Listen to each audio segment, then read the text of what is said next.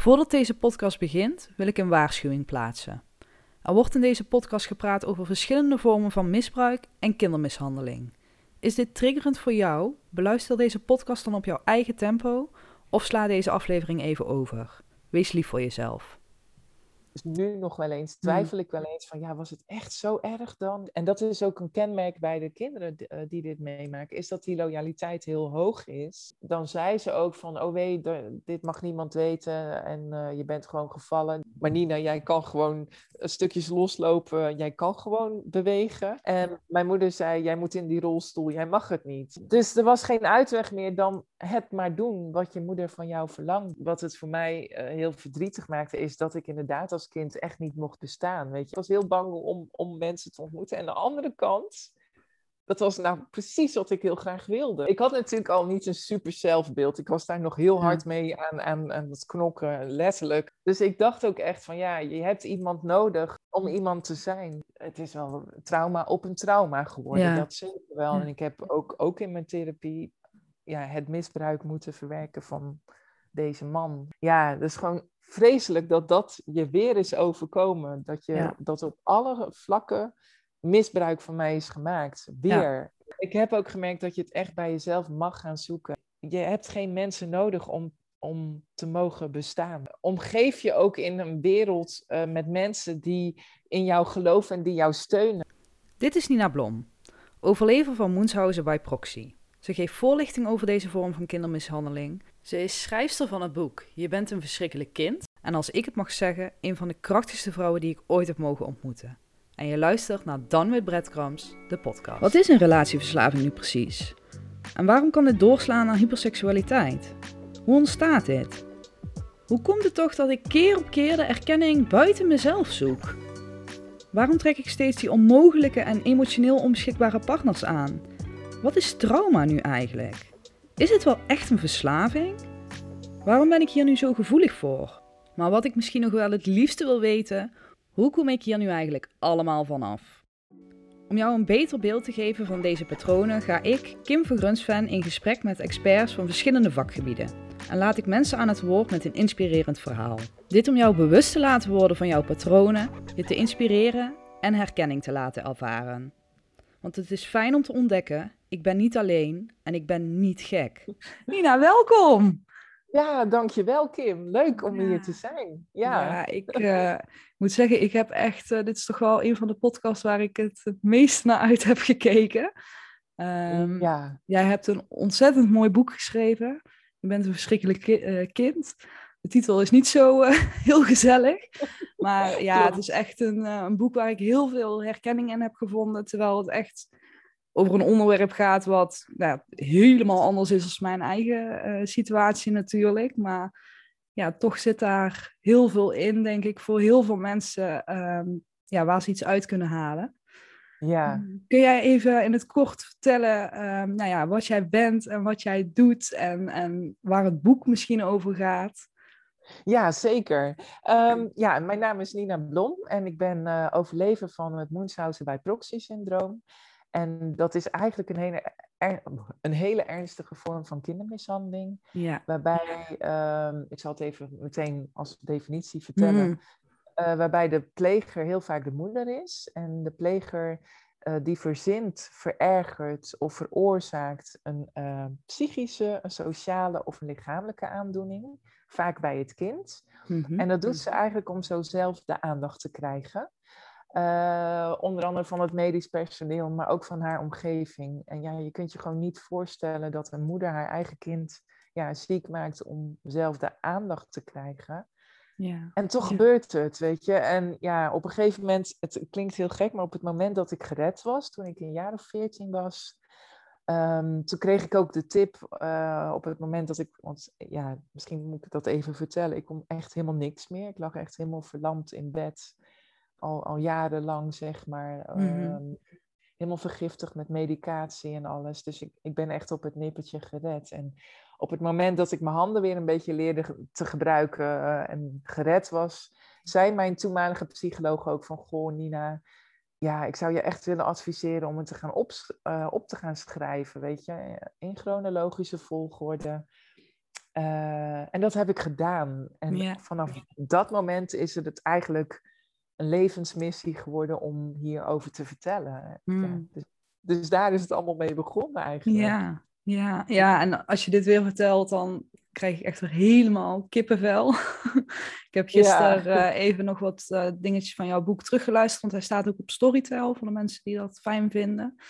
Ja, Ehm, en elke keer als ik dat boek weer aanzet of iets, dan krijg ik gewoon echt van, van mijn tenen tot mijn kruin helemaal kippenvel. En dat is gewoon omdat het zo onwerkelijk is wat jij hebt meegemaakt. Maar ook omdat ik nu weet hoe ontzettend krachtig jij daaruit bent gekomen. En dat vind ik zo'n ontzettende inspiratiebron voor mensen. ja, ja, dat is echt heel lief. Ja, nee, ja, en ik ben ook super trots dat Isa Hoes het heeft voorgelezen. En ja, die, de manier waarop ze het ook heeft Ja.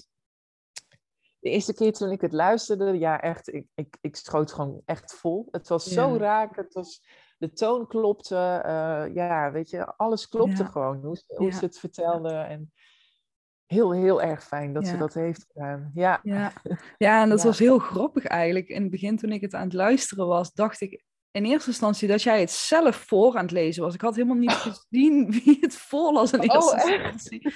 En toen ging ik daarna kijken. Toen zag ik dus inderdaad, oh, Isa Hoes. En toen dacht ik, wow, dat heeft ze met zoveel inlevingsvermogen gedaan. Want anders had ik niet bedacht dat jij het zelf was, zeg maar. Oh, wat grappig is dat. ja, nou, heel veel mensen zeiden vroeger al dat ik een beetje op haar lijk in de zin van het uiterlijk, zeg maar. eh, ja. eh, maar dat het dan ook, eh, ja, dat jij dan zo in het boek zat dat je dacht dat ik het was, dat vind ik heel bijzonder. dat was echt heel grappig. Dus ik zag Ja. daarna ook eigenlijk, terwijl het in, in het begin wordt het gewoon gezegd van voorgelezen door Ja. Isa Hoes, maar totaal aan me voorbij gegaan. Ja. Je zat er meteen in. Ik zat er ik. helemaal in. Ja, ja. Ja. ja. Nou, ik wil heel even aan luisteraars ook duidelijk maken waarom ik jou heb uitgenodigd. Ja. Dat was wel even een bij- bijzonder proces voor mezelf ook. Eh, Ja. Ik had niet naar haar boek geluisterd en dat boek liet me niet los. Ik had daar zelf eh, ontzettend veel herkenning uit. Ehm, en ja, ik had echt zoiets, ik moet hier iets mee. en dat bleef Ja. aan me knagen. En toen heb ik heel erg ehm, ja, gedacht van, hey, hoe kan ik dit nu verwerken in de podcast? Maar ik dacht, ja, als ik er al iets uit kan halen, kunnen andere mensen hier ook iets uithalen.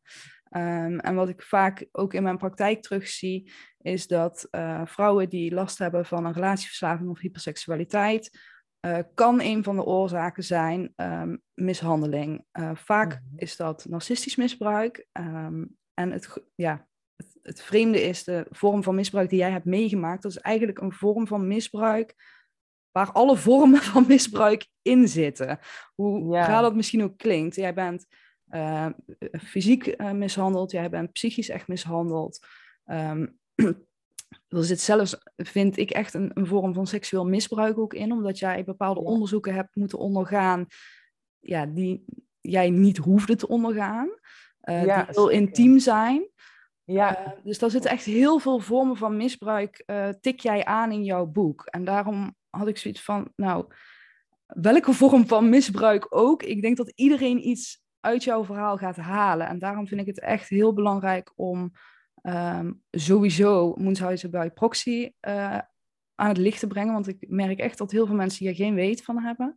En ik, ik ja. wil aan het, ja, en ik wil echt aan het einde van de podcast even ehm, kijken van hey, hoe, ehm, want dat tik jij in jouw boek zelf ook aan, dat jij ook met relaties en in jouw leven daarna ehm, ja, problemen hebt ondervonden door wat je hebt meegemaakt. Dus dan wil ik Ja. even aan het einde van de po- podcast even jouw ervaring daar eh, uitlichten. Eh, dus Ja. even voor de mensen ook duidelijk eh, hoe de structuur vandaag in elkaar zit. Ja, nee, dat, ik denk dat dat heel belangrijk en fijn is. Want ja, je kunt wel iets mee hebben gemaakt, maar wat doet dat met jou als mens? Dus ik denk Ja. dat het heel mooi is eh, dat je dat gaat doen, Kim. Ja, Super. Ja. Ja. Nou, Nina, brand alsjeblieft los. Ehm. Wat is Moenshausen by proxy? Hoe werkt het? Eh, Je hebt het net even, inderdaad al kort uitgelegd. Ja. Ehm, vertel, brand los zou ik zeggen. Ja, ja, weet er nou heel ja. veel van af. ja, dat klopt. Ja, ik geef ook echt veel voorlichting hierover. Ja. En Weet je, het, ik, heb het, ik heb er heel lang over moeten doen zelf om ook te begrijpen wat het is, weet je wel. En dat dit bestaat, weet je, dat, dat er dus, ja, in 95% is het vaak de moeder die dit uh, doet bij haar kind. Uh, je hebt verschillende benamingen hiervoor. Mm Er komt binnenkort een nieuwe benaming, maar die term heb ik nog niet, uh, daar krijg ik een training voor, maar door de drukte heb ik die nog niet ontvangen. Dus ja, dat vertel ik kan jou... je. Ja, ja precies. doen gewoon dus lekker de oude benamingen. Ja. En ik, ik, moet ook heel eerlijk zeggen, ik vind het ook heel ingewikkeld worden dat er steeds nieuwe benamingen komen. Uh, ja, en ik denk dat deze ook wel het meest bekend is bij de mensen, dus we houden het gewoon even lekker hierbij. Ja, ik denk dat dat verstandig is. Want aan de ene kant, ik vind het eigenlijk ook heel erg jammer, juist mm. omdat het zo'n vorm van kindermishandeling is die nog zo verborgen is. En als je dan elke keer die naam gaat veranderen, ja, ja, ja. wanneer komt het dan bij mensen? Ja. houdt het vast, zeg maar, weet je wel? Ja. Dus uh, ik denk dat het een vorm van kindermishandeling is, wat jij net zei, waar heel veel facetten in zitten. Psychische mishandeling, uh, lichamelijke mishandeling ja, ook op seksueel gebied inderdaad uh, vaak de onderzoeken op hele ja, ja, intieme plekken, zeg maar ook. Um, dus de moeder ja, verzint een ziekte, verergert een ziekte of brengt het echt toe. Dus ja, ja de, de, het verergeren en het toebrengen zijn de meest actu acute, ernstige vormen. Ja. Omdat een kind dan ook kan overlijden. Mm -hmm. Ehm, ja, bij Veilig Thuis zijn er ongeveer 100 uh, meldingen over vermoedens. en dan per jaar, hè? Per jaar, ja. En dan is het nog niet heel erg duidelijk van hoeveel, over hoeveel mm. gaat het werkelijk. Dat moet onderzocht worden. Um, en vijf kinderen, wat gemeld is, uh, wat ze weten, zeg maar, uh, ongeveer sterven per jaar. Dus vijf kinderen mm. Per jaar overlijden hieraan ongeveer. Ja. ja. Dus het is ja, heel ernstig, weet je wel. En het, ja, ehm, er zijn wel verschillende gradaties, wat ik jou net al uitlegde. Het verzinnen of het toebrengen of het verergeren. Of een combinatie ervan. Mm. En wat ik ook heel belangrijk vind om te vertellen, is dat er ook heel veel op psychisch gebied uh, voorkomt. Dus dat het kind bijvoorbeeld autistisch moet zijn of naar speciaal onderwijs moet. Terwijl dat helemaal niet nodig is. Dus het hoeft niet alleen lichamelijk te zijn, maar het kan e-, ook echt op uh, gedrag en psychisch en sociaal vlak uh, ja. voorkomen. Ja, en ik denk dat het, hoe, hoe bizar dat ook klinkt, dat ik dat misschien zeg, ik denk dat het misschien ook nog makkelijker is om um, voor, een, voor een moeder of iemand die dit doet, om dat te verzinnen. Omdat jij natuurlijk met lichamelijke klachten, ja, dat komt uit de test dat er niks aan de hand is. Ja, klopt. Ja, en dan kan ze het ook nog falsificeren. Ja, zeker. Ook voor. Ja. Uh, ik zal een voorbeeld geven dat ze bijvoorbeeld haar eigen bloed in de urine van het kind doet. Ja, en dan krijg je natuurlijk wel. Uh, Rare uitslagen.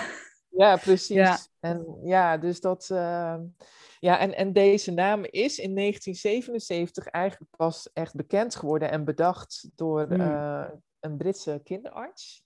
Okay. Sir Roy Meadow heet hij.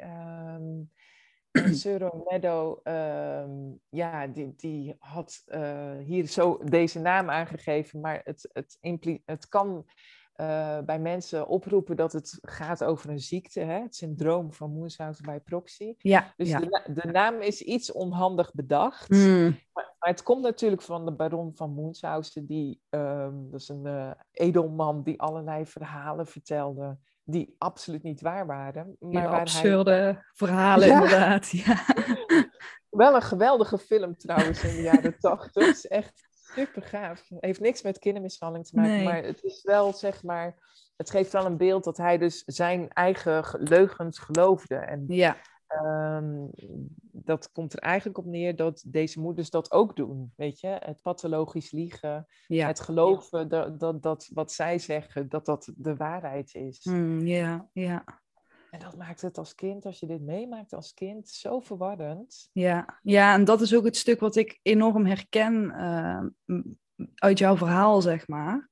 Uh, in het ja. narcistisch misbruik is dat ook echt dat verwarrende. En dat hoor ik ook constant door jouw boek inderdaad heen. De twijfel aan jezelf, um, de twijfel van ja, of je moeder het goede doet of toch niet. Of, of... En ik hoor jou ook in het begin van het boek, vond ik, dat, dat was voor mij echt van, oh ja, dat herken ik zo erg. Dat jij um, de ziekenhuisgegevens opvroeg en dat je zei, zie je wel, ik ben al die tijd niet gek geweest. En dat is ook Ja. iets wat ik constant in mijn praktijk terughoor van, ja, ik heb echt het gevoel dat ik gek aan het worden ben. Ja, ja.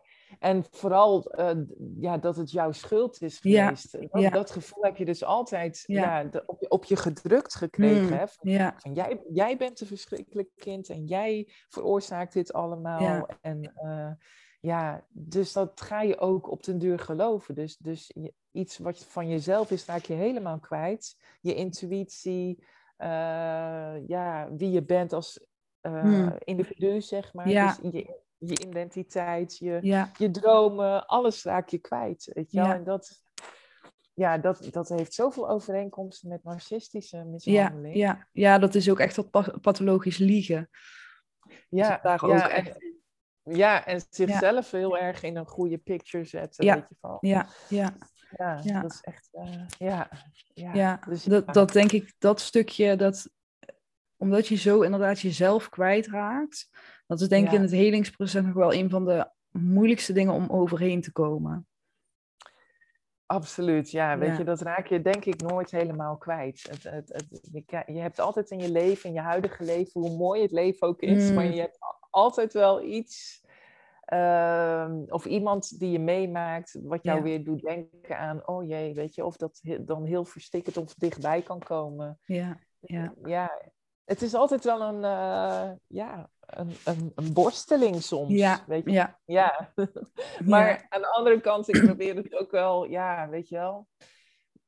Ik probeer er wel positief mee om te gaan. Van oké, ik heb het meegemaakt en soms maak ik het ja, in bepaalde vormen toch dat het wat triggert of zo. Ja, ja. Maar ja. ik eh, kan er wel op zich wel beter mee omgaan. Steeds Ja, beter. ik, ik, ja, we hebben natuurlijk al een heel lang voorgesprek gehad. we hebben elkaar echt anderhalf uur bijna volgens mij aan de telefoon gehad. Ehm, ja, en ik vind het echt, eh, nogmaals, echt bewonderenswaardig hoe... eh, ja, en toch hoe open blik jij nog naar de, naar de buitenwereld hebt, Nina. Dat vind ik echt wel knap. Want ik kan me echt heel goed voorstellen als je zoiets hebt meegemaakt. Dat je het liefst eh, thuis jezelf in huis opsluit om, om bang te zijn om de buitenwereld in te gaan. Maar toch het Ja. vertrouwen weer durft te geven. Nu ook aan mij voor de podcast op te nemen. En ik weet dat jij dat zo bij meerdere mensen eh, toch dat vertrouwen elke keer durft te geven. eh, wetende en, en ja, op de achtergrond wetende wat voor erge dingen er in de wereld gebeuren. Ja, nee, dat klopt ook wel. Ik denk ergens, ik vind het wel mooi dat je daarover begint. Ik denk ergens ook dat dat komt omdat er zoveel van mij is afgenomen vroeger. Hmm. Dus ik heb altijd wel gedroomd over contact met mensen. Dus eh, dat was voor mij ja, wel super spannend hoor. Ja. ik weet nog echt zo goed dat ik voor de eerste keer, sinds zes jaar, ging ik toen weer naar school. Ja, Even om een beeld te geven, ik mocht vanaf mijn negende echt helemaal niet meer naar Nee. school. Dat heeft ja, tot mijn 14, 15e geduurd. ja, En ik was inderdaad 15 toen ik echt weer voor de eerste keer naar school Hmm. ging. En ik had zoveel gemist. Dus ik dacht van ja, de kinderen op school vinden mij echt eh, waarschijnlijk hartstikke raar. Of eh, ja, ik was heel bang om, om mensen te ontmoeten. En de andere kant, dat was nou precies wat ik heel graag wilde. Weet je Ja. wel, met, met leeftijdgenoten omgaan. ja. Dus Ja. ja. ik denk dat mijn kracht daarin wel het sterkste Hmm. is. Om, om dat wat je wilt te, achter, Ja. te achter, achterna te gaan of zo. Ja, ik hoorde het ook in jouw boek van ik ben eigenlijk mijn leven aan het inhalen, zeg maar. ja. ja, zeker. Mm. Ja. Hey, en Nina, om even terug te gaan. Ehm, ik hoorde in jouw boek ook, en je zei het, net, 90% van de, van de plegers is, is vaak de, de, de moeder. Eh, maar Ja. ik hoorde jou ook verpleegkundigen bijvoorbeeld zeggen in jouw boek dat het... eh, Heb jij daar meer informatie? Want dat vind ik wel zoiets bizars. Ja. Van hoe kan dat onder de neus van ouders gebeuren? Ja, nou ja, weet je, het, eh, het is nog iets schokkender dan je Oh, verwacht. eh, oké. het is inderdaad tussen de 90 en 95 procent is de moeder, de biologische moeder. Maar van die plegers Mhm. is 45 procent werkzaam in de zorgsector. Ja, dat had ik inderdaad. En dat hoorde ik jou ook in jouw boek van. Vaak hebben ze dus inderdaad die medische achtergrond, waardoor ze dus ook heel goed weten ja, Ja. hoe ze het kind moeten manipuleren om bepaalde testuitslagen en zo te krijgen. Ja, precies. Ja. Dus ja, en dat, dat maakt het natuurlijk heel zorgelijk. Ja. Ehm, kijk, het kan ook zijn, mijn, in mijn geval was mijn moeder vroeger uh, Mm. verpleegkundige. Uh, Ja. heeft een verpleegkundige opleiding gedaan. Ehm, maar het kan ook zijn dat ze nog steeds werkzaam zijn als arts, verpleegkundige, psychiater, psycholoog. Eh, dus ja, dat maakt het wel. eh, ja, dan kunnen ze eigenlijk nog meer eh, Ja. schade toebrengen. Ja, Ja, op die ja. manier. Ja, dus, Ja, heel heftig. Echt. En, en jij je gaf ook aan inderdaad oma's, opa's, vaders. het kan alle kanten opgaan eigenlijk. Ja, ja en, en wat ook heel belangrijk is, is om te vertellen, is dat ook vaak huisdieren slachtoffer kunnen zijn. Ja, ja, ja. ja. Ja, jouw, jouw kat eh, moest er eh, helaas ook aan geloven. Hè? Ja, ja, die Ja. eh, ja, is ook echt een slachtoffer geweest toen ik dus gered werd. Toen werd het heel erg op, op de kat van mij gedaan. Ja. Dus dat, Ja. ja. ja, dat is super verdrietig. Ja, ik heb er hier zelf twee rondlopen. Dus Ja. ook toen jij in jouw boek inderdaad vertelde dat eh Moortje dan was eh, overleden. Oh, dat, ik kon Ja. me zo indenken, die pijn, want het was echt jouw maatje. Eh, die pijn die jij eh, daar... Ja, eigenlijk bizar is dat, dat je moeder je dan toch weer pakt eigenlijk door middel van je kat.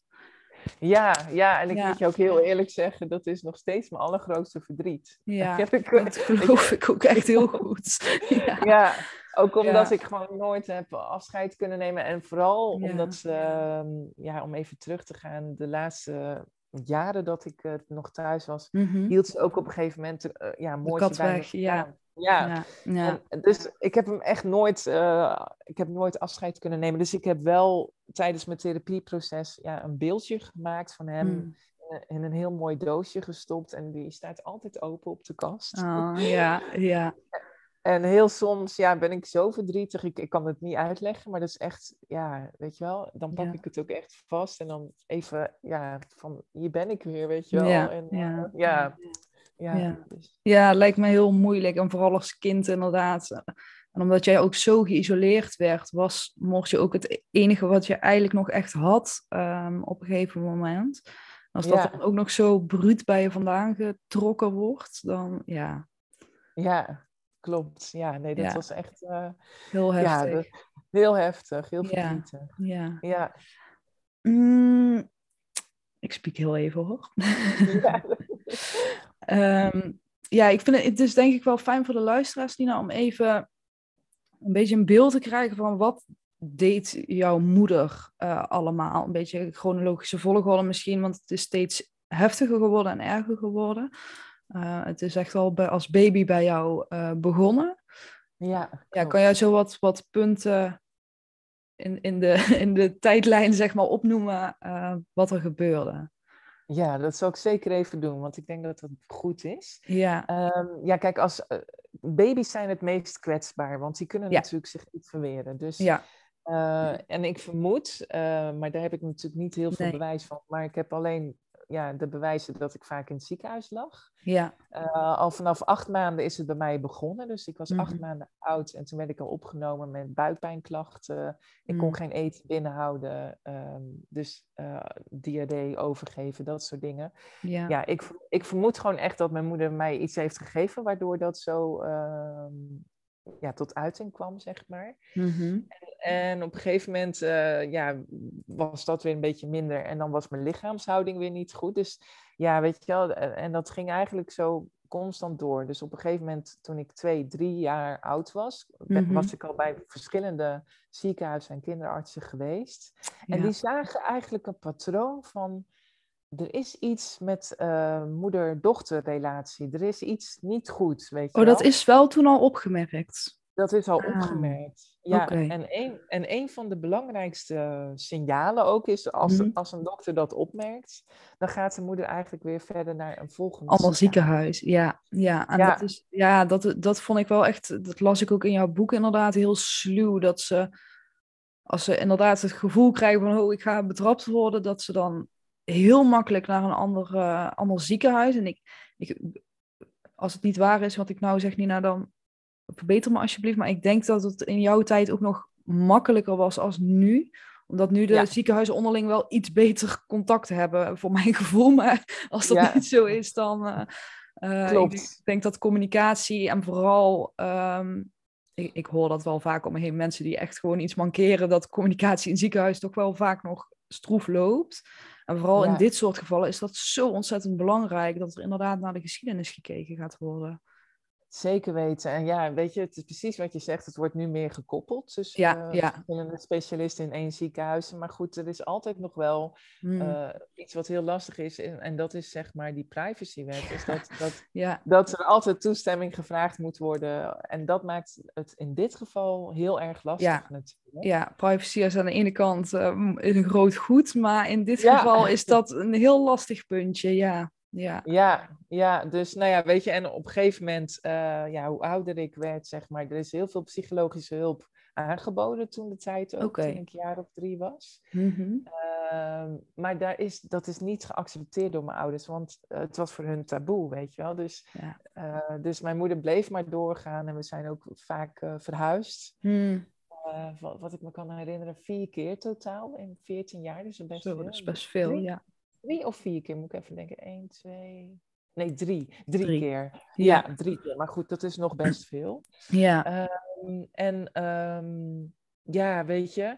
Dus daar begon het al mee. En vaak van school gehouden. Nou ja, Ja. op scho- scholen kunnen ze natuurlijk heel goed signaleren van... Ja, wat is er dan met het kind? En als het kind op Ja. school is, hoe is het kind dan? Weet je wel? ja, ja. Dus ehm, daar geef ik heel graag veel voorlichting over. Zodat Mm, kinderen zeker. eerder gezien kunnen worden. Dan, Ja. eh, ja. ja. Ja, en het werd eigenlijk hoe mondiger ik werd, hoe, hoe ernstiger de mishandelingen ook werden. Niet alleen op psychisch vlak, hè, dat ik geïnstrueerd werd van ja, jij moet je ziek gedragen. Ik was een jaar of vijf in het Mm. halletje stond ik dan. En dat ik dacht van ja, maar ik, ik, heb helemaal geen buikpijn. Wat zit mijn moeder nou toch te zeggen, weet je wel? Ja, ja, Eh, en ook dat ik toen wel eens bij andere kindjes thuis kwam en dat ik zag dat het daar veel warmer en leuker eraan toe ging. Mm. Dat, dat was bij ons absoluut niet het geval, Nee. weet je. nee. Heel, heel clean was het allemaal. Ik mocht ook nooit kinderen meenemen naar huis. Ja, jouw moeder had Eh, ook een soort van smetvreesachtig iets, Ja. hè? Ja, ja. Ja, ja, extreem eigenlijk. En eh, ja, zo extreem dat we ook. Toevallig had ik deze week met mijn vriend nog over. Van ja, weet je, bij ons moesten we thuis dan eh, eh, iets met lange mouwen aan. En dan moesten we zo de deurklink openmaken, weet je wel. Zodat Ja. er niks op de deur zou komen qua vingers. Ja, En ja, ik zei wel tegen mijn vriend van, god, die deuren, je moet ook een keer een poetsbeurt krijgen, weet je wel. Maar dat, ja, ik ben me daar zo tegen gaan verzetten, dat ik dat soms ja dat is echt verzet gewoon, ja. dat ik dacht van, oeh, die deuren mogen wel eens een sopje krijgen. Maar goed, ja, Ja, ja, weet je wel, wie let er nou op een deur, denk ik dan. Ja, mijn moeder lette daar echt ja, extreem ja. Ja, dat was echt heel erg. En Ja. als- er dan iemand bij ons thuis wel was geweest, wat niet vaak gebeurde, maar dan ging mijn moeder heel de bank met bijenwas eh, doen. boenen, ja. Ja, echt. En dan uren zat ze te mopperen. Ja, dan Ja. wilde je ook eigenlijk niet dat iemand... eh, Nee, dan voel je ook echt bezwaard, denk ik, om iemand mee te nemen. En ik denk ook vooral op die leeftijd is het denk ik ook heel van ja, wat gaan mijn vriendjes en vriendinnetjes van school hiervan denken als mijn moeder achter ze aanvliegt met een poetsdoek. Ja, precies. Ja, Ja. en het was gewoon invoelbaar. Tenminste, het was gewoon invoelbaar dat het nooit fijn en Ja. gezellig en liefdevol bij ons thuis was. Ja. Het was altijd kil en afstandelijk en Ja, clean, weet je wel. ja. Ehm, En toen werd denk- jij nog, nog niet eh, fysiek mishandeld, of wel, Nina, in het begin? Ja, dat begon op een gegeven moment. eh, e- eerst begon ze nog echt mijn speelgoed al kapot te maken als ik echt te vrolijk was, weet je wel. Eh, want ik, was, ik ben nog steeds heel vrolijk, maar ik was als kind echt extreem vrolijk, weet je wel. Ja. Ik, ik was een soort blij stuitenballetje. Was al... Waar ik heel blij mee ben dat dat niet eh, kwijtgeraakt is, Ja, moet ik je eerlijk ja. zeggen. dat was echt... eh, Ehm, maar ehm, ja, en, en heel langzaam begon het ook ja, over te gaan. Ik, kan je niet precies vertellen wanneer, Nee. maar dat, dat begon er zo in te sluipen. Dat Ja. het ook echt van psychisch naar fysiek eh, begon te gaan. Ja, en dat vind ik wel iets ehm, bijzonders eigenlijk uit jouw hele verhaal. Dat je echt ziet, er komt steeds een dingetje bij. Eh, Mhm. weet jij hoe dat eh, precies zit bij de psychologische kant van de moeder, waarom dat steeds heftiger wordt? Nou ja, kijk, het is, het is wel, ik heb natuurlijk heel veel over gelezen Ja, en, en, ja. en heel veel verhalen ook gehoord. Kijk, hoe, hoe mondiger het kind wordt, hoe lastiger het voor die Mm, moeder wordt om ja. het onder controle, onder de duim te houden, zeg Mhm. maar. Dus die moeder, die, ja, er zit eigenlijk, ik noem het altijd een stopknop, maar er zal vast een ander woord voor zijn. Maar ja, de, de- ze, ze, ze, sto- ja, ze gaat, het, het wordt steeds erger en ze maakt het ook steeds erger. Ja, En een van de dingen die ze ook doet, is dat elke keer als ze naar een nieuwe dokter gaat, dan wordt het, de ziekte ook steeds erger, erger, ja. gemaakt. Ja, weet je wel. ja. En, En is dat ehm, dan omdat ze, tenminste dat vul ik even in, hè, hoe het voor mij klinkt, van wat jij zegt inderdaad, het kind wordt steeds ouder, dus kan zich beter verzetten. Dus dan zet ze ook echt alle middelen in die nodig zijn om het kind onder de duim te houden.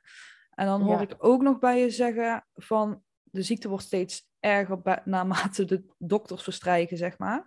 Eh, is dat dan ook omdat ze merkt van, hé, hey, als ik het misschien erger maak, krijg ik meer aandacht?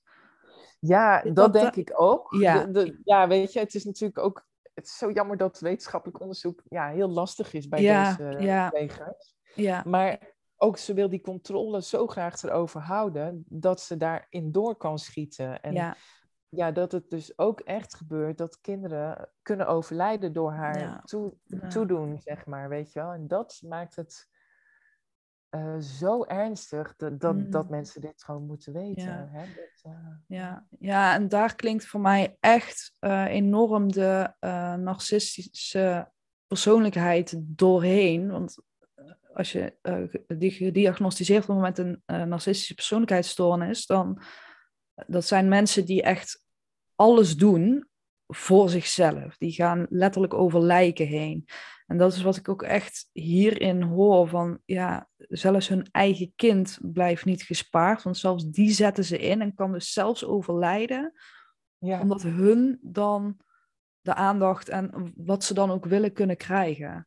Ja, ja, zeker. Ja, En dat, ja. dat, dat is gewoon extreem. En, en Mm. ja, weet je, dus ehm, het is ook echt, ja, ik kan het niet anders vertellen dan dat, dat ik het heel belangrijk vind dat dit onder de aandacht Ja, komt.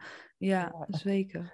Ja, Mm, even kijken, en dan, eh, toen was het dus dat je naar verschillende dokters ging. Ehm was nog niet extreem fysiek geweld, maar dat begon dus wel al langzaam te komen. Eh, ja. en, en toen, want jij, ehm, eh, ja, hoe ging dat voor- vooral ook in jouw gezin eh, te werk? Hoe keken andere personen in jouw gezin daarna? Weet jij eh, daar iets van? Of, Ja, nou ja, het is, mijn vader is denk ik best wel meegegaan met, met het geloven van mijn moeder. ja, Wat natuurlijk echt heel erg jammer en, en ja, ja, jammer is nog zacht uitgedrukt. ja, ja.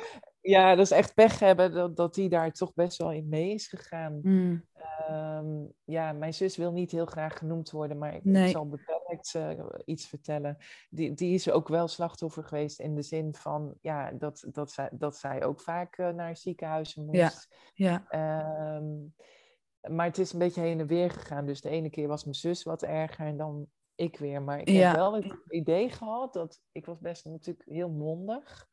Dat mijn moeder mij het meest onder de duim wilde eh, houden. En, Ja. en daar Ja. extreem eh, in is, eh, ver is in gegaan. ja. Ehm, dus ja, het, het werd al snel, weet je wel, dat, dat nou, dan was het buiten winter en dan de kinderen, ja, ik keek dan zo op de sloot, weet je wel, waar Mm. kinderen aan het schaatsen waren.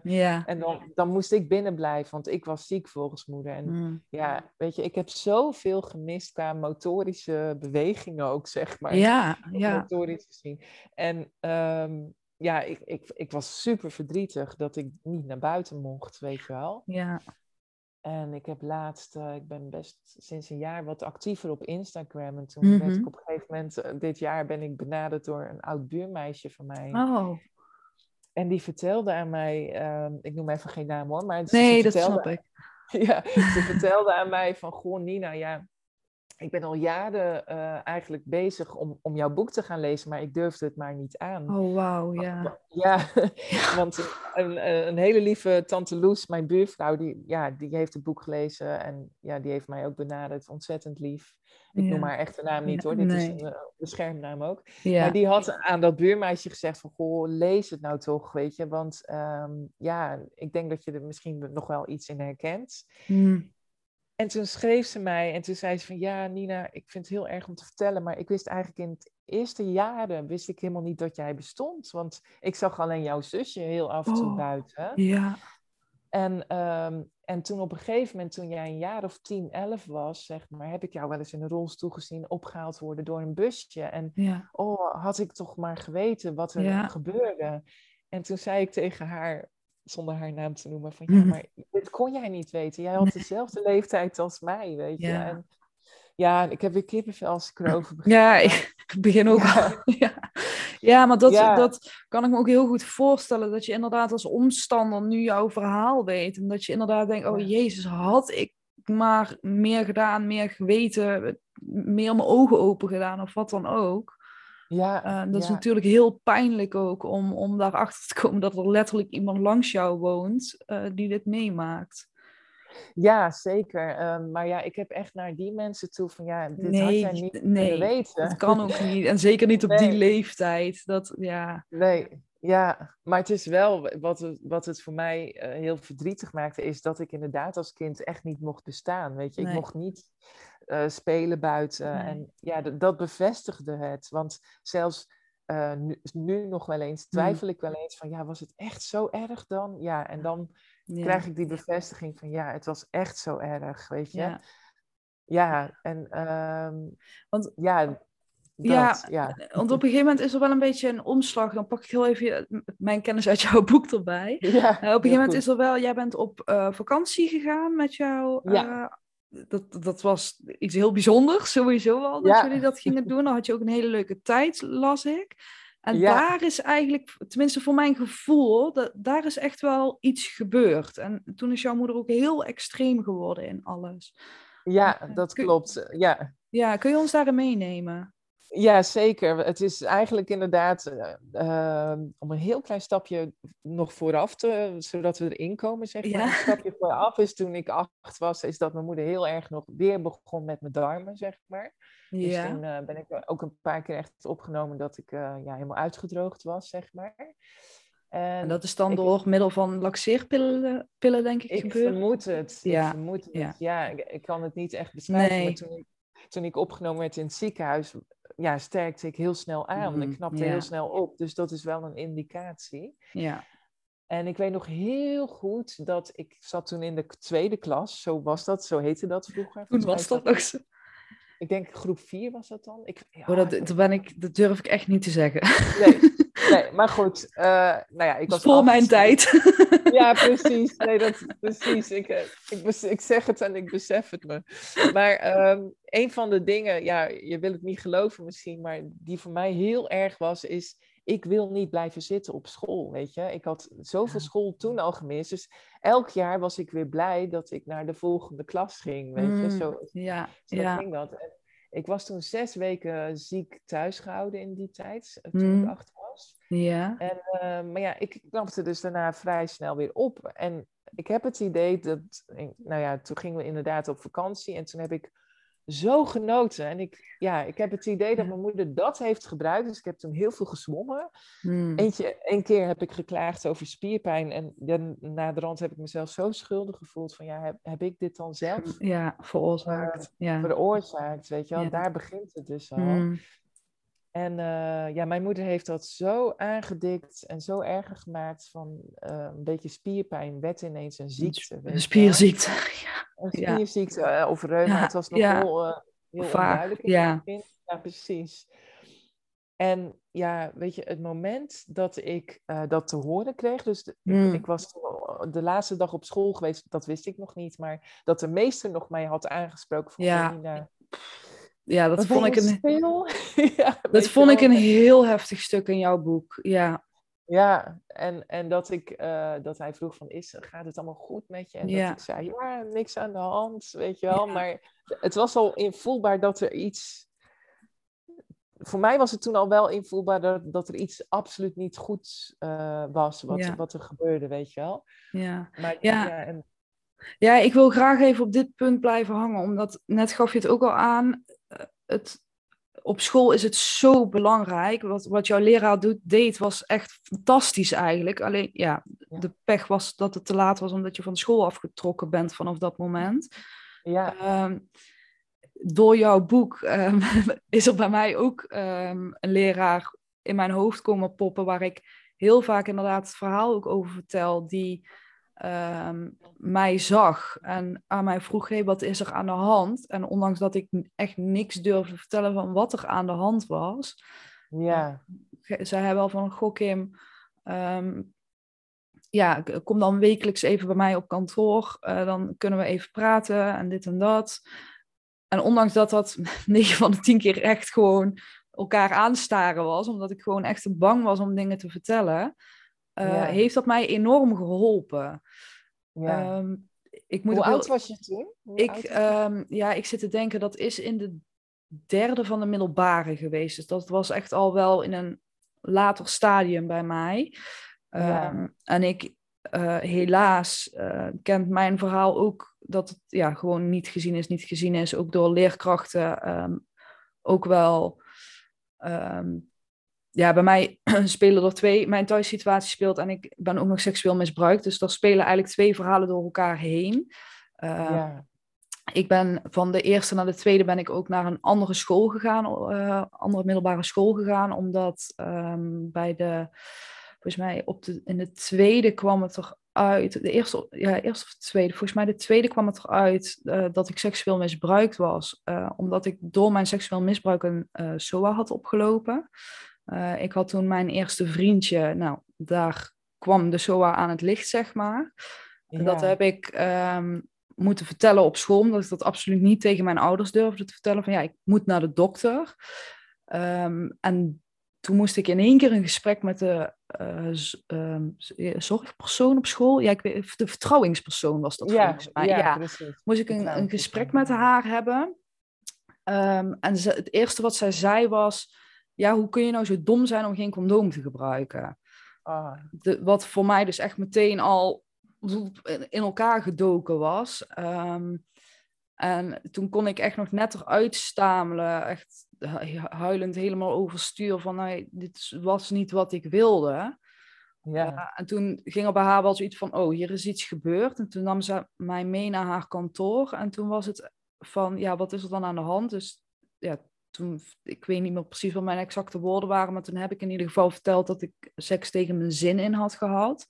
ja, Toen was ze heel erg van, ja, weet jij dit wel 100% zeker? Weet jij wel echt dat je dit niet wilde? En heeft ze er heel erg op aangedrongen. Want bleek achteraf dat er een, eh, iemand op school, een andere klas of zo, ehm, had een paar maanden eerder dat verhaal ook verteld. En dat bleek dus achteraf niet waar te zijn. Waardoor ze dus bij mij Ah, ook ging twijfelen of dat waar was. ja, Ehm, maar dat was meteen de eerste keer dat ik uitsprak wat er was gebeurd. En meteen, ja, werd er het niet geloofd eigenlijk. Nou, ze gaf me toen ook echt ja, een ultimatum om dit aan mijn ouders te vertellen. Van je moet dit binnen een week vertellen, anders ga ik het doen. Nou, dat is ook een heel drama Ja. geweest. ja, Ehm, maar daarin zie je hoe belangrijk school eigenlijk is. Want bij mij is het er ook op school uitgekomen. En zo is er nog een andere keer. Ik kwam heel vaak te laat op school, omdat ik eh, thuis heel vaak ruzie had met mijn moeder. ja, Eh, waardoor ik te laat kwam. Toen heb ik zelfs een gesprek met Halt gehad. Ehm, ik weet niet of jij daar bekend mee bent. nee, Eh, nee, ja, nee. halt is eigenlijk als jij bijvoorbeeld vuurwerk afsteekt of zo, dan kun je een haltstraf krijgen als kind. Eh, Oké. en die zien ook toe, als je inderdaad, dat, mijn school had dat tenminste, als jij volgens mij tien keer te laat was gekomen, moest je een gesprek met halt en kwam je twintig keer te laat, dan kreeg je een ja, taakstrafje, dan moet je vuil opruimen langs de weg of zo. Eh, dat is eigenlijk, ja, voor kinderen, de politie voor kinderen, zal ik maar even zeggen. Ja, ja, ja. Ehm, en ik kreeg toen een gesprek met die eh, eh, mevrouw van Halt. En dat was echt een hele lieve vrouw, om ni- niks op die vrouw aan te merken. En omdat ik daar zo eh, van ja, je moet echt op tijd komen. Toen werd ik zo in het nauw gedrukt dat ik eindelijk durfde te zeggen van ja, maar dit komt omdat ik heel vaak thuis ruzie heb met mijn moeder. En ja, dat vind ik nog steeds. Ik zou heel graag eigenlijk mijn dossier of zo, als dat er nog is, op willen vragen. Wat daar haar conclusie uit was. Eh. Want zij heeft toen gezegd: Oké, niet meer doen, hè? En toen was het klaar. En dan denk ik, ja, er zijn toch wel, als ik zo terugdenk, bij mij ook wel punten geweest dat er juist op school inderdaad eh, gezien werd dat er iets aan de hand was. Maar er is toch nooit doorgepakt of zo op een of andere manier. Ja, ja, ja, ja. Dus daarom, en jij zei het net ook, ja, de omgeving is vaak heel lastig. Eh, het ziekenhuis is vaak door de privacy ook heel lastig. Maar op school, ja, Ja. daar zien ze inderdaad wel wat er, ehm, of ja, beter misschien wat er gebeurt. Dat is ook zo, maar dat lijkt me dan verschrikkelijk, weet je. Kijk, bij mij was het dan op een gegeven moment, werd het niet gezien. Nee, Maar nee. als je dan ook nog, zeg maar, niet geloofd wordt, ja, dat is het Ja. Heftige wat je als kind dan mee kan maken, weet je wel. Ja, ik, en dit ging dan echt over mijn, mijn eh, seksueel misbruik. Het halt ging echt over mijn thuissituatie uit natuurlijk. Ehm, Ja, Dus dat, wat ik zeg, dat zijn echt twee aparte eh, dingen die bij mij spelen. Ja. Ehm, en ik moet ook heel eerlijk zeggen, do- door die eerste stap inderdaad van het niet geloven, eh, kan ik me ook echt herinneren dat ik bij ehm, therapie, want ik ben daarna heel vlug in therapie eh, gestopt, want het was echt van, eh, jij, jij bent het misbruikte kind en het probleem, dus jij moet naar de psycholoog. ja, En toen was het ook heel erg dat ik, ik kan me echt nog herinneren dat ik bij therapie op een gegeven moment mijn verhaal, net als jij inderdaad, op moest schrijven op chronologische volgorde. Maar ik ben enorm eh gedissocieerd tijdens mijn seksueel misbruik. Dus er zitten heel veel gaten bij mij in mijn geheugen. Ja. En het probleem is, het is bij mij drie keer gebeurd. En die drie keer haal ik ook volledig door elkaar heen. Dus ik had Ja. ook echt, ik werd in een kamertje gezet met een lamp boven, echt zo'n militair kamertje. Met zo'n Oh, lamp boven de tafel, met pen en papier en ga het maar opschrijven. En ehm, ik had echt zoiets, ja, maar ik, ik weet het niet. En ik had zo het gevoel van, oh, ik ga beoordeeld worden aan de hand van dit verhaal of mijn verhaal waar is. En dat Oh, is echt, ja, echt gebeurd doordat die eerste leerkracht daar zo fel op in is gegaan. En ik kan me echt wel voorstellen als er inderdaad net een maand van tevoren was ook gewoon ongelukkig, zeg maar. Maar ik vind het ook echt belangrijk om aan, aan leerkrachten mee te geven. ehm, neem het serieus. Hoe ongeloofwaardig het verhaal ook klinkt. Want heel eerlijk, ik kan me ook echt voorstellen, Nina, als jij naar de leraar was gegaan met dit verhaal, dat het. Ja, dit zijn dingen die wil je gewoon niet geloven bijna. Ehm, Dat klopt wat je zegt. Ja, ja en, en het, ja, bij mij ging het ook zo ver dat ik al bij, bij voorbaat dacht van ja, maar ik geloof het zelf amper, weet je. ja, Dus, ja, dus, ehm, en zelfs toen het me gevraagd werd eh, die keer, van Ja. gaat het wel goed? Ja, ik was zo bang, weet je wel, dat ik, ehm, ja, en dat is ook een kenmerk bij de kinderen die, eh, die dit meemaken, is dat die loyaliteit heel hoog is. ja, Juist vanwege die onderliggende angst. Hè? Ja, Van wat gaat ja. er gebeuren als ik wel iets vertel? Want ja, ja, ik word zo onder de duim gehouden, zo gemanipuleerd, zo in, eh, geïndoctrineerd, geïnstrueerd. Ja, Ja, ja. dat, ja en, en dat was, eh, als we het dan toch even nog hebben over wat er dan gebeurde toen ik ouder werd, is dat dat steeds Ja. erger werd. ja, Ste- weet je, ik raakte echt mezelf kwijt doordat Mm. ik die instructies wel moest opvolgen. Want als ik dat niet Ja. deed, dan werd mijn moeder nog kwader. En dat Ja. wil je niet als kind, weet je wel. Nee. Dus, dus er was geen uitweg meer dan het maar doen wat je moeder van jou verlangde. ja, ja, En het is, ja, weet je, ik denk als een kind signalen geeft, eh, of ze dat nou bewust doet of onbewust, neem die serieus inderdaad. Serie- ja, neem die echt. Ja, ik vind, ik, dat vind ik echt wel. Dat wil ik ook echt overbrengen met deze podcast. Echt voor leerkrachten. En in jouw geval ook wat, of ja, moedhuizen bij proxy, zeg maar. Ook echt ehm, de, de verpleegkundigen of artsen, wat dan ook in het ziekenhuis. Eh, en het, het is ook heel moeilijk, want ik heb jou dat ook al een aantal keer in andere interviews horen zeggen. Ja, je wil niet iemand vals beschuldigen. Dus het is een hele ja, ehm, ja moeilijk iets. Want ik, ik hoor ook heel vaak inderdaad, ik heb een, een vriendin van mij en dat zoontje is ontzettend klunzig. Ja, die heeft ook al een aantal gesprekken gehad ehm, bij de dokter. Maar zij zegt ook van ja, het is vervelend, zei ze, maar ik ben heel blij dat het gebeurt. Want bij sommige kinderen is het gewoon echt niet oké wat er gebeurt. Dus ja, ehm, het is heel lastig, maar vang die signalen op en, en ga inderdaad in gesprek met het kind. Ehm, en nee, een kind zal niet rechtstreeks vaak zeggen wat er aan de hand is. Nee, uh, nee bij mij gebeurde dat echt op het moment dat ik mezelf bedreigd voel en geen, echt geen andere uitweg meer zocht of kon vinden, zeg maar, in mijn hoofd. Dat ik dingen door heb gelaten. Maar zelfs dat werd niet opgepikt. Dus, en dat vind ik echt heel, heel erg jammer. En dat is iets wat bij Moenshuizen bij Proxy aan de lopende band hoort. Dat het niet wordt opgepikt. En dat is ook iets wat je bij narcistisch misbruik aan de lopende band uh, hoort. En wat gewoon niet opgepikt wordt. Klopt, ja. En, en ik herinner me ook nog heel goed toen ik negen was, dat ik ook echt dacht van, uh, ja, toen ik op een gegeven moment een paar weken verder was en zo in het ziekenhuis mm, lag, mm, dat ik ook echt dacht van, jeetje, had ik maar iets meer uh, kunnen aangeven bij, de, bij de meeste, weet je wel. En dat ik ook echt dacht van, soms raakte ik zo in paniek van er is niemand bij wie ik een signaal kan afgeven. Nee, nee. En dat, dat maakte dat, ja, die eenzaamheid, eh, dat vond ik eigenlijk het ergste van, van alles. Ja. ja. En dat vind ik wel heel bijzonder, Nina, bij jou. Jij was je echt enorm bewust van wat er gebeurde, dat dat niet oké was. En, en ik hoor jou dat ook in jouw boek zeggen van, oh, dat je probeerde de aandacht van de arts te krijgen of, of dat soort dingetjes jij was daar echt actief mee, mee in je hoofd bezig. Terwijl als ik naar mijn verhaal kijk en, en vaak uh, narcistisch misbruik verhaal, en dan is dat heel vaak als er juist geen fysiek misbruik aan te pas komt, dat dat heel erg is,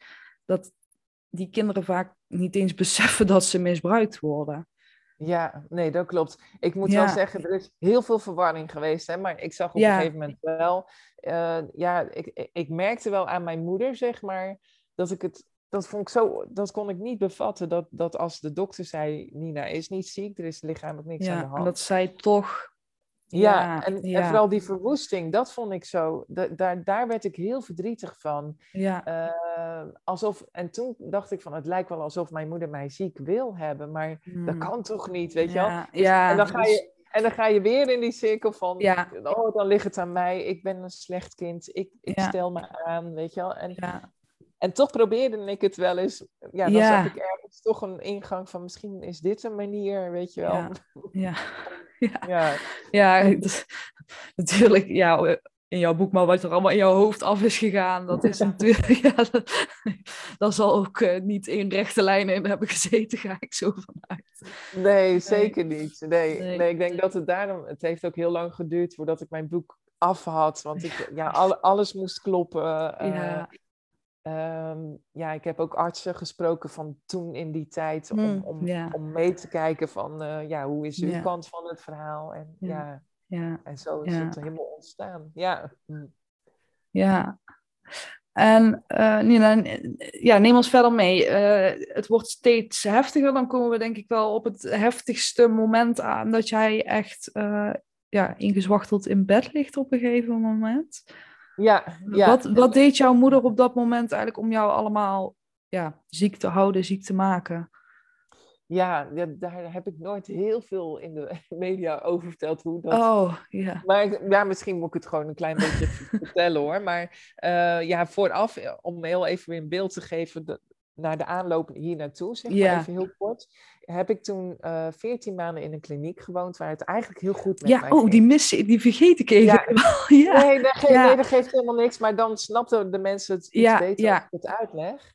En uh, ik mocht haar één keer in de week bezoek ontvangen, zeg mhm, maar. ja. En ja, de rest van de week niet. En in de, de rest van de week dat ik haar niet zag, ging het eigenlijk heel goed met mij, weet je wel. Ik mm. werd weer een creatieve puber. Ja. Ik, lekker, ik was weer aan het giechelen en aan het doen.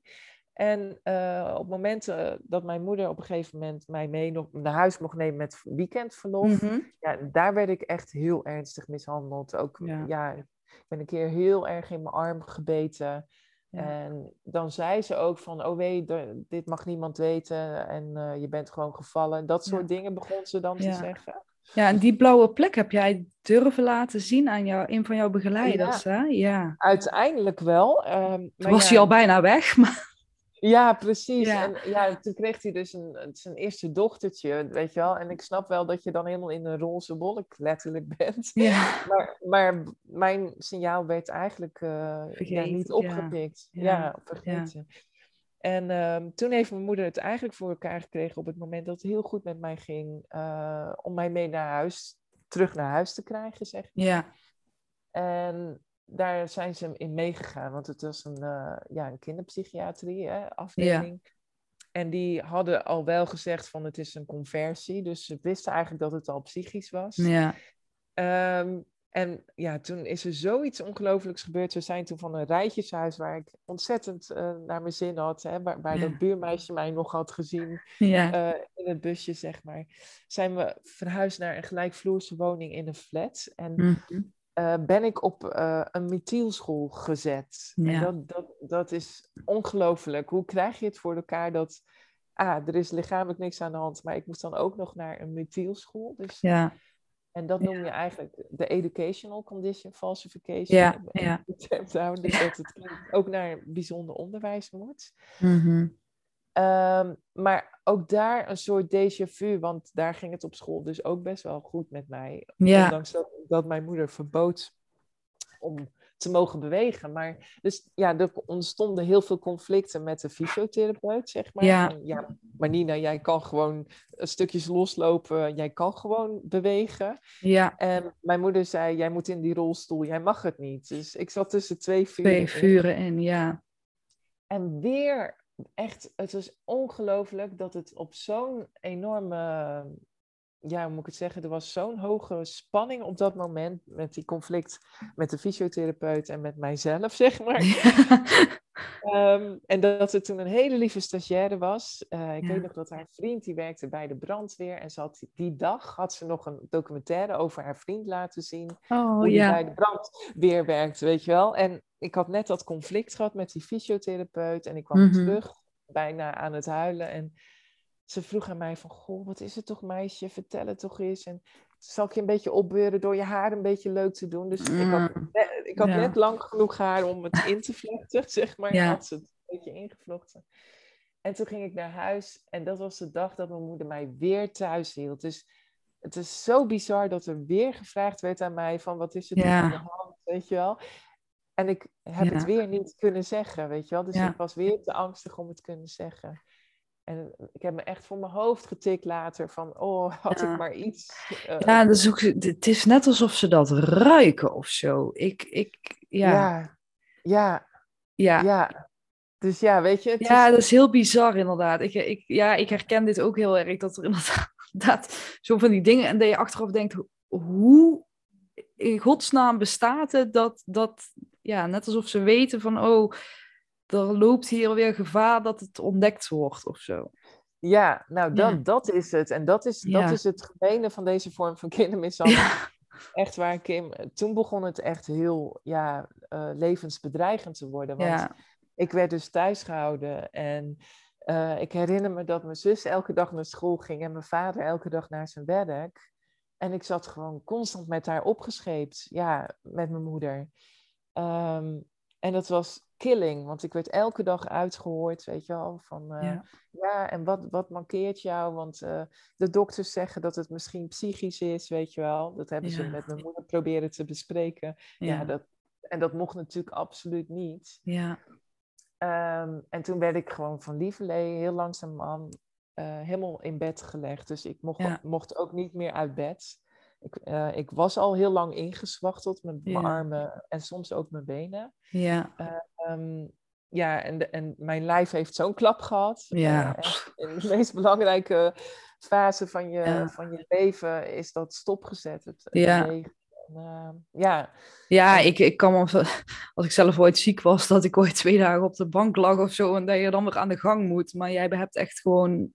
Ja. ja. Hoe, hoe lang heb je eigenlijk zo gelegen, Nina? Hoe, welk tijdsbestek is dat geweest? Ja, dat is heel goed dat je dat zegt. Want ja. ik was toen uh, elf jaar ja. uh, dat mijn moeder mij echt thuis hield op een gegeven moment.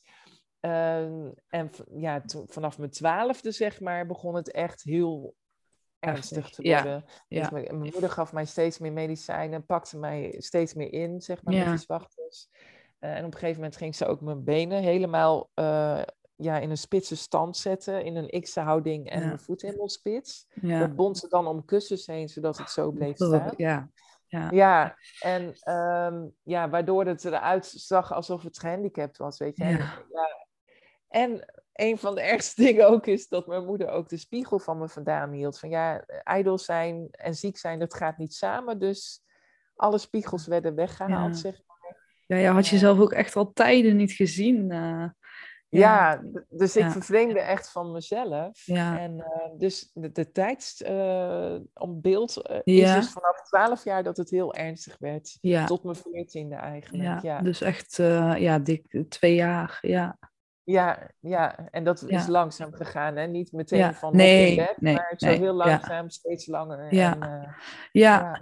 ja. en ook die medicijnen, uh, Nina, vind ik ook zo... Ja, en ik, ik weet dat jij daar zelf helaas ook nog steeds het antwoord op niet op weet. Uh, wat, ik, wat ik echt heel vervelend ook voor je vind. Want ik kan me voorstellen dat het echt iets is wat knaagt. Ja. Um, heb jij daar ondertussen wel misschien, want ik weet dat jij ook veel lotgenoten spreekt hoe kunnen deze mensen aan die medicatie komen? Ja, nou ja, weet je, uh, dat is de allergrootste vraag die ik nog steeds heb. Ja, weet, ja. ja. En het zou natuurlijk kunnen, ze heeft natuurlijk vroeger zelf in de zorg gewerkt. Misschien heeft ze nog uh, van, die, van die recepten. Oh, de recepten, ah ja. Het zou ja. kunnen. Ja. Uh, het zou kunnen dat het medicatie van mijn zus is geweest. Want die zou volgens moeder ook epilepsie gehad hebben. En ik ja. kreeg ook medicatie voor epilepsie. Ik weet het niet. Ja. Um, ik, ja, er zijn artsen geweest die, uh, mijn huisarts zelf, ja, die heeft zich heel erg tegengesproken. Want ja, weet ik. Heb hem, ja. ja, ik heb hem in 2013, heb ik hem gesproken. Ben ik toen samen met uh, Marielle Trouw, de toenmalige psycholoog, naartoe Ja. gegaan. Ja, En in, in eerste instantie had ik hem aan de telefoon om een afspraak te maken. En hij zei van, goh, ja, je, je was... eh, het is wel echt heel ernstig eh, wat er met jou is gebeurd. En ja, toen ik, toen ik daar kwam, toen sprak hij zichzelf tegen. Toen zei hij van, ja, maar ik heb jou als een chronisch ziek kind behandeld. Dus ik heb jou wel wat medicatie gegeven. Maar hij zei, als jij mij beschuldigt... beschuldigd. Ja. Van die hele, ja, nou ja, bijvoorbeeld een euthanasiemiddel. Of ja, ik wou net zeggen, het waren niet de minste medicijnen die jij gekregen hebt. Het wa- het was inderdaad Ja. een middel wat ook bij euthanasie eh, gebruikt wordt. Wat echt, Ja, ja, toen viel ik echt bijna van mijn stoel af, zeg maar, toen ik dat hoorde. Ja, en ik kwam daar pas zelf in 2012 achter, moet ik eerlijk zeggen. Ja. Tijdens een lezing, notabene. Eh, want ik dacht van ja ik, ja, ik weet ongeveer wel wat het is. Het zal wel iets heel zwaars zijn geweest. Maar ik heb er te weinig research naar gedaan. Ja. Totdat een arts zei tegen mij van ja, Weet je Nina, wat weet het is? jij wat Ja. het is? En toen zei ik nou ja, ja, een heftig middel. Maar ze zei van ja, het, het, het werd in de jaren 70, 80 als slaapmiddel gebruikt. Maar eh, je kon het ook zo instellen dat, dat het een euthanasiemiddel werd. Ja. Hè? Dus dat mensen daar echt van zouden Ja. inslapen. En toen moest ik even zitten tijdens de lezing. Ja, want dat kan ik me voorstellen, jeetje.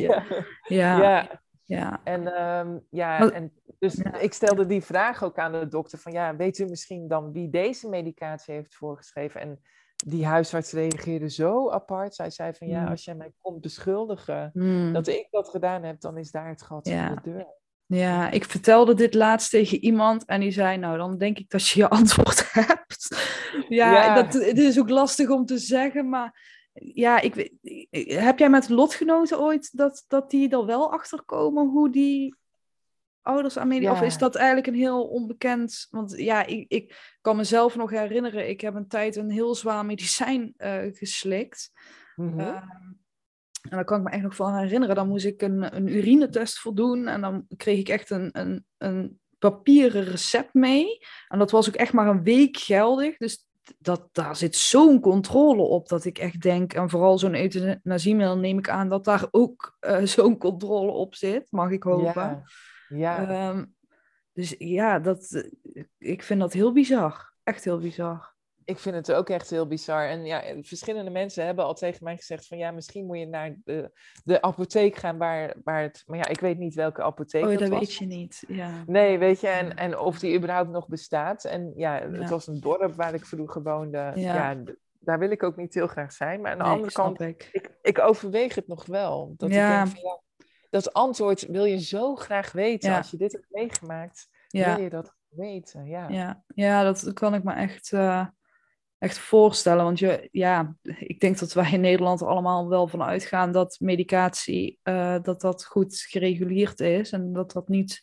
En het kan natuurlijk zijn dat je, dat jouw moeder op wijze van bij een of andere drugsdealer dingen heeft gehaald. Ik bedoel, dat, dat kan altijd. Dat weet je gewoon Ja. niet. nee. Als dit echt via het normale eh, systeem is gegaan, zal ik maar zeggen, dan, is, ja, dan zitten er toch wel echt gaten in dit systeem. Dat denk ik ook. En ja, Ja. ik ben dus heel voorzichtig in het, in het aanwijzen van wie het Ja, wat ik zeg, je weet het niet, dus... Je weet het niet. En nee, ik, precies. ja, en, en het is heel jammer dat jouw huisarts misschien... Wat ik, ik, ik, ik vond... In eerste instantie dacht ik ook, ja, als je zo'n antwoord geeft, ja... Pleit niet echt voor je, maar van de andere kant kan hij zich ook echt aangevallen voelen. En, en bang zijn dat jij dat denkt, of wat dan ook. Dus dat is ook wel lastig. Je kunt aan iemands reactie natuurlijk niet... ehm, Nee. dus ook weer kort door de bocht. Maar van de andere kant kan ik me wel begrijpen dat, dat je dat gaat, bijna gaat denken als je zo'n antwoord krijgt. Het is gewoon jammer dat hij daar niet in meewerkt.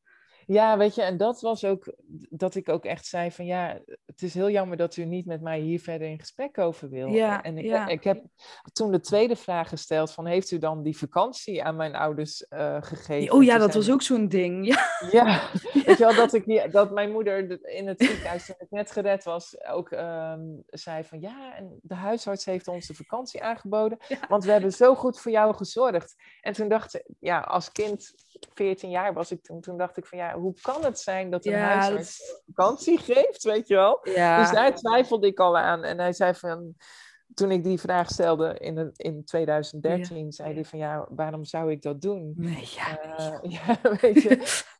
Ehm, dus ja, i- ik heb hem wel gezegd van, goh, ehm, ik ben wel heel erg teleurgesteld dat u nooit iets voor mijn zus heeft gedaan. Hè? Ja, U, u, he- u heeft altijd in de cc gestaan. Hoe is het dan toch mogelijk? eh, ja, Ja. weet je wel? Ja, nou goed. En, Ja, eh, dat ik- vind ik, ja. ja. dat vind ik wel. En dat vind ik ook wel jammer. ehm, dat inderdaad ook de kinderbescherming daar niet verder naar gekeken heeft. Want wat je al zegt, als, als er een één geval is binnen een familie, dan is het vaak ook dat dieren mishandeld worden. Dat eh, broers of zussen die aanwezig zijn ook mishandeld worden. Dat blijkt ook uit eh, jouw verhaal.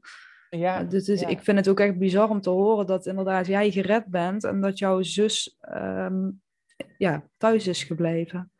Ja, nou dat, dat vind ik ook echt heel erg, zeg maar. Ja, en dat is ja. ook een boodschap die ik altijd meegeef. Ja, van, ja, Kijk ook naar de andere kinderen en de huisdieren in het Ja. gezin. Ja. ja. En toen was daar dokter Vrienden, als ik het goed zeg. Ja, Ja. helemaal goed. Ja.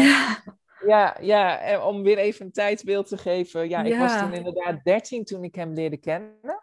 Mhm. Ehm, dus ik heb hem eh, totaal acht maanden echt eh, voor de redding gekend, zeg maar. Ja. En eh, ja, hij vond het heel vreemd dat, dat hij een meisje in een rolstoel toen zag en heel vaak op bed, maar dat er eigenlijk niks aan de hand was. Hè, lichamelijk was er niks Ja. aan de hand. Dus wat deed die beste man? Van ja, ehm, hij was net kinderarts toen. Hij was nog een hele jonge Oh, was man. het echt nog? Oh, Ja, ja, ja. wauw, ja. Nog, nog niet zo heel erg lang, zeg maar, in dat ziekenhuis ook. En eh, ik denk dat hij een jaar of dertig was. Nou, ik vond het een hele jonge dokter in ieder geval. Een hele lieve ook vooral. Ja, en dat, dat had ik niet zo heel vaak meegemaakt. Want de meeste dokters zeiden altijd, ja, je, het zal psychisch Mm. zijn. Dus die besteden geen aandacht aan mij. Maar hij bleef maar komen en hij bleef maar, Ja, ja, weet je, contact met mij maken. ja. Het is echt een arts, een held, zeg maar. Ja, het is echt ja. een held.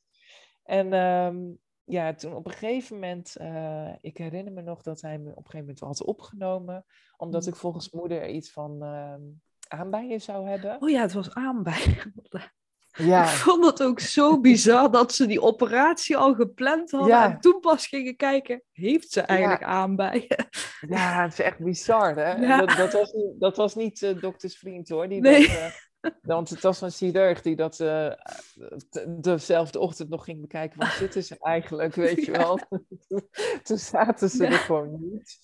Ehm, maar ja, maar dokter Vrienden was toen wel heel geïnteresseerd van... ja, wat is er toch met Nina aan de hand? Ja, ja. Hij heeft toen op een gegeven moment ehm, nog meer onderzoeken bij mij gedaan. Ja.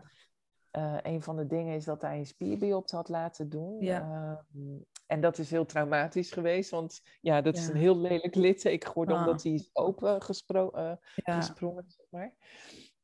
Um, dus de hechtingen gingen eruit en toen knapte die oh. ogen. Dus echt heel... Ja. ja, dus het is een heel lelijk litteken op mijn linkerbeen. En um, maar goed, ja, die man wilde gewoon echt weten. Ja, dat is eigenlijk je redding. Dat, dat litteken is eigenlijk wel je redding geweest. Ja, weet je wel, want daaruit bleek ook dat er eigenlijk, uh, ja, er zaten wat afwijkingen in, maar dat komt meer omdat ik zo weinig had bewogen. Kijk, Precies. Als, jou, als jij je spieren heel lang niet beweegt, dan gaat er natuurlijk iets met die spieren in gebeuren. Ja. En um, ja, dat was het moment dat hij voor de eerste keer ook echt contact opnam met een vertrouwensarts. Ja. Dat was toen nog bureau uh, jeugdzorg, heette dat toen. Ja, want hij heeft echt, echt bewijs verzameld eigenlijk in, die, in die acht maanden tijd. Van oké, ik, ik zie hier iets geks. Maar ja, je kunt niet natuurlijk zomaar met, met uh, beschuldigingen gaan slingeren. Dus hij is echt op medisch vlak gaan kijken van oké, wat ik hier zie, klopt dat ook? Precies, en het was toen uh, oktober 1988, uh, toen hij dat uh, al ging doen, zeg ja. maar. En um, ja, toen bestond Moonshouse bij Proxy, die naam bestond toen nog tien jaar, tien, ja. elf jaar, weet je wel. Dus het was heel, heel onbekend. ja. Maar hij had een artikel gevonden, want hij ging okay. daar ook onderzoek naar doen. Van ja, ja, dit gedrag van die moeder is zo bizar. Ja. En toen was het vermoeden er al, weet je. Dus dan hebben we het over 1988. Um, en de, het moment dat ik gered was, was 2 augustus 1989. Dus ja. dat, dat is alweer acht maanden later, ja. zeg maar. Negen maanden uit mijn hoofd. Ja. En um, ja, weet je, maar dat was het moment, um, om weer even een tijdsprong te maken, dat ik in hele korte tijd heel erg achteruit ben gegaan. Ja.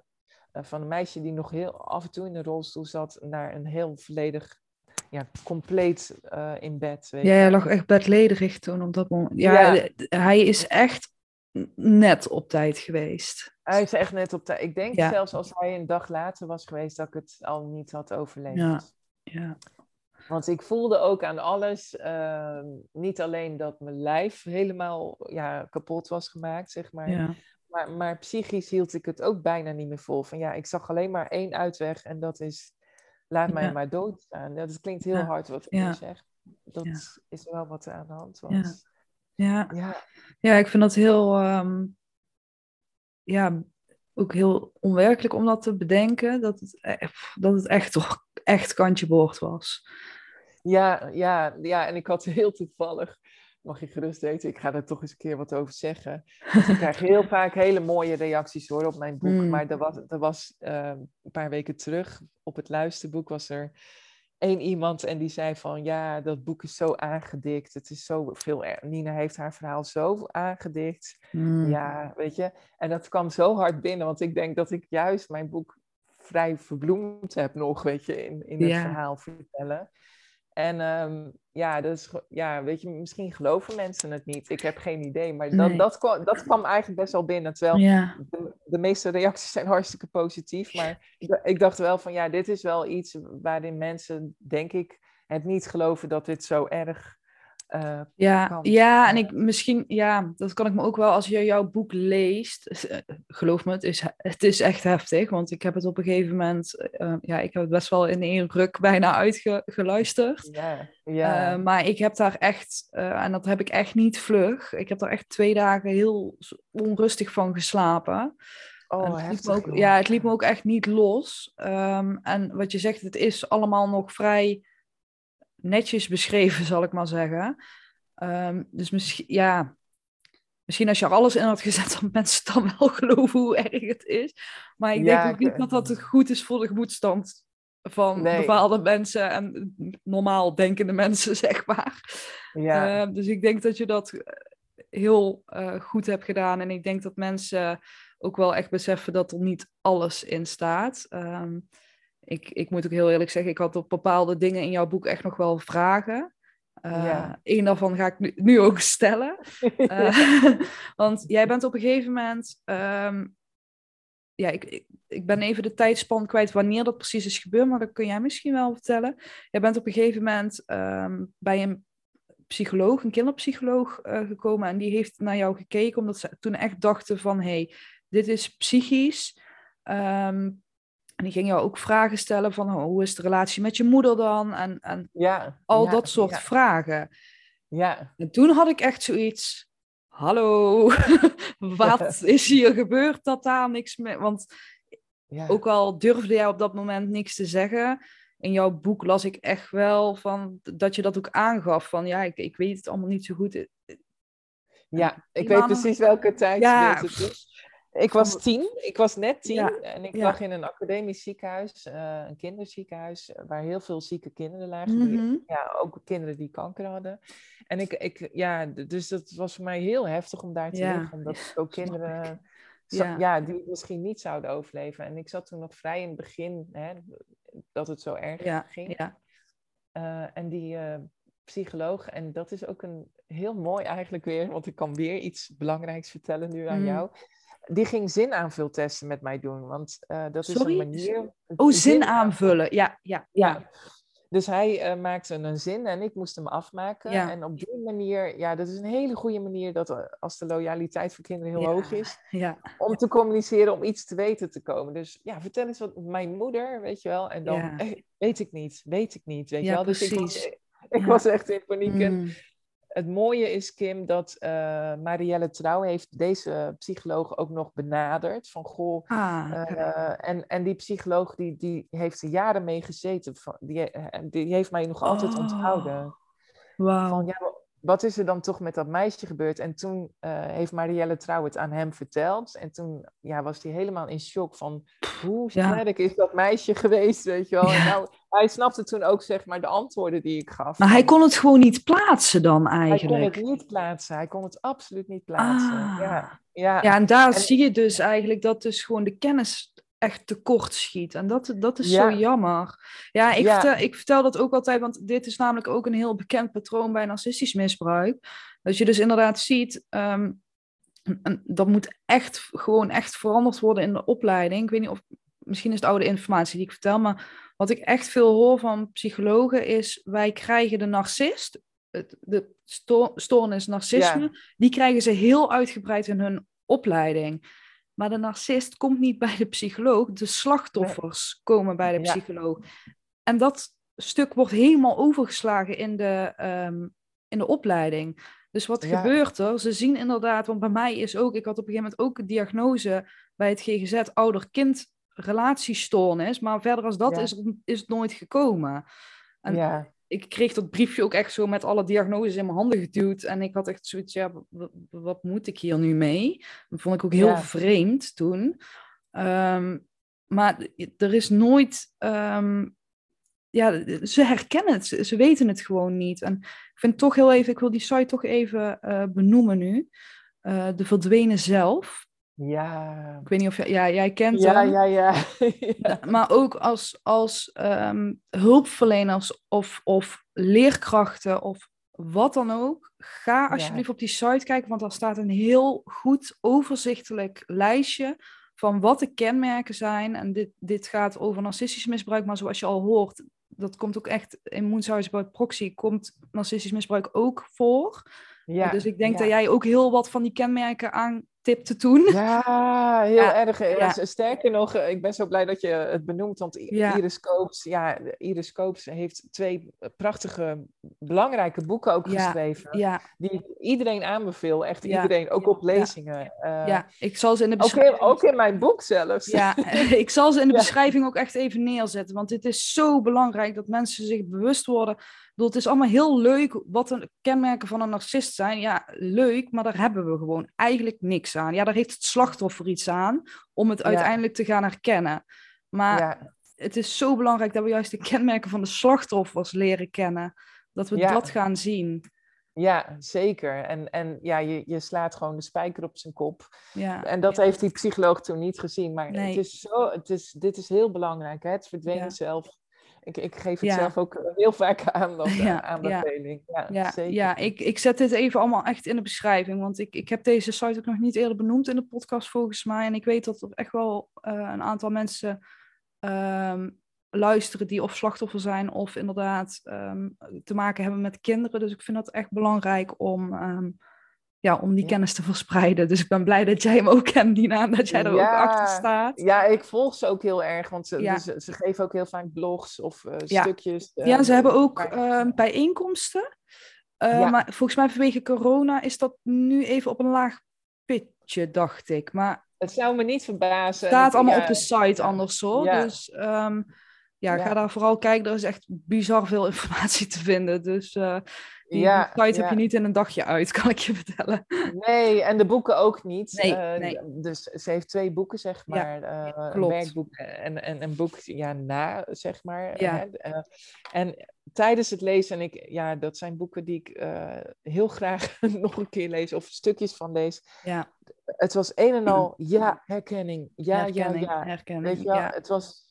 Ja, en er zitten zoveel raakvlakken. Dus ook Ja. jouw verhaal, Kim, is... is ja, wat jij allemaal nu aan mij vertelt, eh, is zo'n herkenning Ja, ook voor mij. Dus Ik had dat ook echt, eh, de verdwenen zelf is bij mij ook echt wel een doorbraakpunt geweest. Eh, zoals jij dat had met jouw, die, of jouw, ehm, hoe moet ik het goed zeggen, de, de stukken uit het ziekenhuis. Dat jij zoiets had van, zie je, ik ben niet gek, was de website van de verdwenen zelf voor mij echt een bevestiging van, zie je.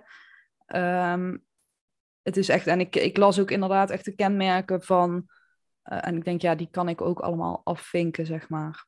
Ja, nou, Ja. ik was ook al constant aan het klinken. Ik, Ja. ik had echt een schrift gekocht, zeg maar. Zo van, nou, een paar dingen haal ik er waarschijnlijk wel uit. Maar ik dacht, ik stop met schrijven, want het, is, het hele boek gaat gewoon... Eh, er is geen samenvatting van te maken eigenlijk. Nee. nee, nee, dus Nee. ja, ik ben echt heel blij dat je het benoemt, eh, Kim. Echt heel goed, Ja. ja. Dus- Mm, Nina, wil jij nog iets? eh, ik zal heel even. Wil jij nog iets kwijt ehm, over heel, heel dit stuk, zeg maar, over ja, wat er met jou is gebeurd, eh, wat mensen kunnen doen om het te erkennen, herkennen, eh, iets te. Ja, wat moeten mensen doen? Want dat hebben we ook nog niet echt benoemd. Wat, wat kunnen mensen doen als Ja. ze vermoedens hebben? Eh, Ja. Om dit deel even af te sluiten. Ja, precies. Nou, ik kijk, als jij een vermoeden hebt dat er iets niet pluis is, ja, Hmm. alleen een niet-pluis gevoel, daar kun je niks mee. Dus Nee. als, als hulpverlener is het belangrijk om, om ja, de feiten, feiten ook echt te noteren, Ja. zeg maar. Van wat is er dan wat niet klopt en, en Ja. het heel feitelijk op te schrijven zonder, Ja, eh, ja, weet je wel, de persoonlijke mening te Mm. geven. ja. En ik, ik zou dan zeker eens een keer in gesprek gaan, ook met je collega's, van zie jij Ja. dit ook? Eh, wat, ja, weet je. En uiteindelijk kun je, eh, wat heel belangrijk is, eh, veilig thuis een vertrouwensarts. Bel Ja. dan ook echt met een vertrouwensarts, omdat hij wat meer medisch onderlegd is, weet je. Het kan hier ook op medisch vlak voorkomen. Zeker. Ja, en wat En- ook belangrijk is, denk ik, om te zeggen, neem niet, normaal is het het pro- protocol eh, met kinderen, eh, van ga in gesprek met de ouders.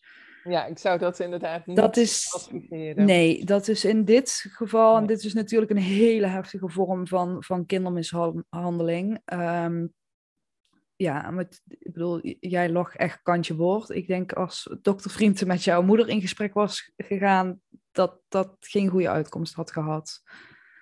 Nee, nou ja, sterker nog, Kim, dat is eigenlijk bijna een soort van gebeurd. Dat wil zeggen, de Oh. laatste avond, ja, ik, ga- ik ga dit toch even vertellen. Het, staat ook in mijn boek hoor. Maar wat er echt is gebeurd, eh, of wat er echt is gebeurd, wat er vooral is gebeurd, is dat eh dokter Vriend wilde mijn ouders nog een kans geven om mee te werken. Oh ja, dat Van- klopt. Ja, dat heb ik gelezen. Ja, Ja, Ja. en, en eh, dus hij heeft lichtelijk laten doorzijnen van, ja, we gaan Nina uit huis halen. Dat is, Ja. wij willen haar beter maken. Eh, maar hij heeft natuurlijk niet Moenshouse bij proxy echt genoemd, Nee. maar wel van, we willen Nina beter maken. Maar Ja. dat alleen al, ja, het, en de dokter was daarna ook heel erg eh, in paniek, letterlijk, dat die politieambulance En de kinderbescherming heeft gebeld. Oh, daarom is dat toen zo snel gegaan in één keer. Ja, daarom is dat heel snel Ah. gegaan. Want hij, hij was er niet gerust op. Hij kon niet meer eh, Nee. gerust zijn. En hij is zelfs die volgende ochtend ook nog bij mij thuis Meegekomen. geweest. Ja, ja. Ja, voordat de ambulance en de politie kwamen, zeg maar. Dus zo in paniek was hij eigenlijk. Van, Ja. ja. als je ook maar iets vertelt van de raadsbemoeienis, dan kan dat een gevaar zijn. En dat, dat ja. weet je, eh, dat is ook heel belangrijk, dat, dat je daar heel voorzichtig in bent. Ja. Om niet je vermoedens uit te spreken, maar eerst moet het kind Goed onderzoek, ja. veilig zijn. Ja. Ja, Ja, goed onderzoek doen. Zorgen dat het kind inderdaad veilig is. En, en dan eh, kun je in gesprek met, eh, met de ouders. Ja, de, dat is inderdaad de laatste stap. En ik denk ook wel dat de ouders natuurlijk ook hulp nodig hebben. Maar Zeker. Wat het jammer is, Kim, bij deze vorm van kindermishandeling, is dat ze het vaak niet erkennen dat ze dit doen. En dat is, Ja, ja, dat, dat blijft natuurlijk. Ja. eh, ja, voor mezelf was dat wel een soort van besluit van ik kan niet met mijn ouders doorgaan. Het contact moet Nee. stoppen. Ja, Ja, en ik- ook ja. weet je wel. ja ik, dat, dat Ja. was een ander heftig stuk, vond ik in jouw eh, boek inderdaad. Dat jij op een gegeven moment, jij bent opgenomen in het ziekenhuis eh, toen jij gered werd. Ehm, ja, pff, ontzettend mooi hoe jij daar ontvangen bent. Echt, dat, ik zat bijna een feestje te vieren toen- ik dat aan, het le- aan het luisteren was. Want dat was echt, eh, daar hebben ze echt allemaal echt ontzettend hard voor jou gewerkt. Tenminste, dat gevoel krijg ik echt. ja, dat is ook echt zo. Ja, Ja. Dat, dat, dat blijf ik ook altijd heel mijn leven lang waarderen, weet je wel. Ontzettend de- mooi. ja. Ja. En toen, heb jij, ja, toen waren, had jij nog eh, bezoek onder toezicht. ja, Ehm, klopt. Daar stond een camera stond daarbij. En later kon dat niet meer. Ik weet niet meer precies wat de Ja. reden daarvan was. Maar Ja, de camera ik was ga het je vertellen. Ja, ik ga Oh, jij zat, op een, jij zat niet meer op een camera alleen. Dat was het volgens mij. Dat klopt. We ja. zijn toen verhuisd naar een ander ziekenhuis. Ja, En, en op de kinderafdeling waar we in het nieuwe ziekenhuis terecht kwamen, dan, daar waren geen één, éénpersoonskamers meer. Dus Hmm. eh, het waren ja, de tweepersoonskamers, ja, zeg ja, Er was één, één eenpersoonskamer, maar die was toen al echt Hmm. bezet. Daar ja. kon ik niet eh, in. En toen kon die camera er dus niet meer staan. Nee, vanwege Eh, privacy van de andere ja. ehm, patiënt. Ja, ja. Ja, en, en toen begon het bergafwaarts te gaan. Want ik werd eigenlijk weer onder druk gezet. Ik werd eigenlijk weer Ja. een soort van bedreigd. En het bezoek werd ook, kwam ook steeds minder vaak. eh Ja. gelukkig eigenlijk. en, maar ik kon het ook niet meer volhouden. Nee. Weet je? Het, eh, Ja, maar je zat ook ik- zo in een tweestrijd, omdat jouw moeder jou dus toch nog ja, dingen toefluisterde van je weet, je weet wat ik gezegd heb. Ja, Heel, ja, her, heel herkenbaar zinnetje voor mij. ja, precies. Ehm, en aan de andere kant eh, ging het steeds beter en moedigde het personeel van het ziekenhuisje aan om van alles te gaan ondernemen, zeg maar. Ja, ja, Ja. en ik was tegelijkertijd, ik mag gerust weten, ook een beetje aan het afzetten van, eh, Ja, ik ga precies, me ja. niet meer, ja, weet je Ja. wel, dus ik liet ook heel uitbundig zien van hoe goed het met me ging en dat Ja. kon zij gewoon niet eh, nee, nee. verdragen en, en Nee. ja, dus, dus die beklemming werd weer steeds erger, Ja. in, mijn- oor Ja. van eh, dat soort dingen Ja. van ja, je wilde toch dood zijn. Of, je Mm, ja, Dus ja, en ja, toen is het bezoek ook met spoed stopgezet. stopgezet. Ja, dat was Ja, jouw eigen besluit ook echt. Ja, Ja, ja. Ja, heel dapper hoor. Ja, ik vond dat Ja. als ik het weer terughoor dan, eh, en lees van mezelf, dan denk ik, jeetje, wat een dapper meisje Ja. was ik eigenlijk. Ja, dat vind ik echt, echt ontzettend dapper. En ik, ik moet ook zeggen, ik vond de begeleiding daar in het ziekenhuis ook echt enorm goed. Want die zeiden ook, oké, als, dit, als dit is wat jij wil, dan gaan we dat gewoon doen. En er was ook geen discussie, we gaan dit gewoon doen als jij dit wil. Vond Ja, en, heel goed. Dat was dus een half uur later, werd dat meteen, meteen ingevoerd. Maar mijn moeder had een gesprek met eh, Marielle Trouw. En die kreeg dat toen te horen. En ja, Kim, een van de dingen wat er toen gebeurde, is dat ik direct afscheid nam van mijn moeder. Dus Ja. eh, de bekende draaideur. De bekende draaideur, inderdaad. Ja, ja. En daar zei mijn moeder, ehm, ja, ik ga mezelf nu iets aandoen. Ja. Ik ga mez- ik ga, ja, weet je, en dat is ook een, een, een middel van manipulatie. Ja. Ehm, en ik weet nog dat ik dacht van, nou, doe het maar, ga maar, weet je wel. ja, dat vond ik zo... Ja, Ja, hoe bizar het ook klinkt natuurlijk, maar dat vond ik wel echt heel krachtig. Ik vond dat een heel mooi... Dat je ja, echt, dat, dat stuk van het boek, daar laat je ook echt zien hoe bizar krachtig jij eigenlijk was. Want, of een bent, want ik bedoel, dat ben je absoluut niet kwijt. Maar vooral op dat moment. Want als je zo ontzettend gemanipuleerd bent, onder de duim bent gehouden, mishandeld bent, ehm, dan speelt daar ook gewoon de loyaliteit naar je moeder. Want het is en blijft je biologische moeder. Ja. eh, waar je als kind enorm mee in conflict zit. En dat je dan gewoon, als je moeder zoiets manipu- manipulatiefs, ik kan het woord nooit uitspreken, zegt, ehm, dat je als kind dan echt gewoon denkt van, ja, weet je, eh, fuck it, doe, doe het maar gewoon. Want ik bedoel, Ja. dit is mijn grens, tot hier en niet verder. En dat, ja, Ja. dat- dat- echt, eh, ik had echt gehoopt dat daar een hele rij cheerleaders gewoon jou aan stond te moedigen op dat moment. Dat vond ik echt ja, heel, Ja. heel mooi om te lezen. Hoe, hoe, ja, het is natuurlijk ziek dat je dat moet denken, überhaupt, omdat je moeder zoiets zegt. Maar ja, ik echt, eh, ja, chapeau. Ja. Ja, dank je. Ja, nee, het was wel, ik weet nog wel precies hoe ik me voelde hoor, want het was Mm. heel heftig dat ja, dat ja, tuurlijk. En ik, ik voelde me heel leeg. Het, het was alsof, Mm. eh, eh, alsof er geen vloer onder me was. En de afdeling wist dat ik afscheid ging nemen. Ja. En die, die had de fysiotherapeut naar beneden gestuurd. Ja, die hielden jou in de gaten. Ja, ja, ja. En ja, ik, ik herinner me nog heel erg eh, ja, dat ik op dat moment, ik kon helemaal niet meer huilen, weet je wel. Dat, maar Mm. ik, was, Ja. ik was gewoon een soort van, ja, in shock ook of zo. En ik wist dat het de laatste keer was, maar ik vond Ja. het ook echt van, ja, als dit jouw Ja. laatste keer is, ga dan maar. Ga dan maar. Ja, Ja, ja. ja, Ja, en dan breken er een heel aantal jaren van heling aan. ja, ja, Ehm, en dan heb ik echt een paar dingetjes, eh, voordat we echt in de relatieverslaving hoek gaan, eh, zeg maar. Heb ik echt wel een aantal dingen ehm, die ik even wil belichten. Want ik, eh, ik weet, jij bent met dokter Vrienden ehm, op een later tijdstip in gesprek gegaan. ja, zeker. Hoe was dat voor jou, Nina? Ja, dat was zo helpend. Ook voor hem eigenlijk. Ja. Ja, ten, eerste, ten eerste, ja, om, om, om, om bevestiging te krijgen Precies, van klopt het, ja. weet je wel. ja, Ehm, en ook van zijn kant, hij heeft natuurlijk ook echt van, heb ik het wel goed gedaan? En hij, heb ik het wel goed gezien? Ja, hij had het ook goed gezien, weet je. Dus we hebben onze verhalen naast elkaar neergelegd. ja, En, daar, en ik heb de dossiergegevens toen meegenomen. Mhm. En hij heeft ook echt ja, dingen kunnen uitleggen, medisch gezien, maar ook gewoon kunnen bevestigen van, ja, weet je, er is nooit lijfelijk iets gevonden. En ik moest gewoon echt zeker weten dat het niks lijfelijk was. Ja. Dus ik heb ook nog een keer Ja, gedaan. Ehm, maar ja, weet je, ehm, hij heeft echt alles aangedaan. Hij heeft echt alles op Ja. alles gezet om mij te redden. En ja, daarom, daarom is hij een voorbeeld. En hij, hij, heeft, hij is helaas eh, dit Ja, jaar overleden. overleden. Ja. Het echt heel lastig. Maar ehm, ja, hij is een inspiratie voor mij geweest. Want hij heeft zich ingezet voor kinderen die mishandeld worden door scholing te geven, onder andere. Oh, hij heeft daar ook echt zijn pad na jouw verhaal van. Oh, wauw, dat wist ik Naar niet. aanleiding, ja, naar aanleiding van mijn verhaal heeft hij zich helemaal in, eh, in ja, verdiept en voor ingezet. Ja. Ik vind het ook zo Dus, knap dat jij vertelt dat het nog zo'n jonge dokter was. En die, Ja. ja, dat Ja. die het dan ziet. Ja, Ja, ja, en ik weet niet hoe lang die toen bezig was, maar ik vond hem er heel jong uitzien. Ik, ik schat nu, nu ik zijn leeftijd weet, dat hij toen jaar, jaar 35 denk ik al. Nou, dat is een vrij jonge dokter, vind ik. ja, ja.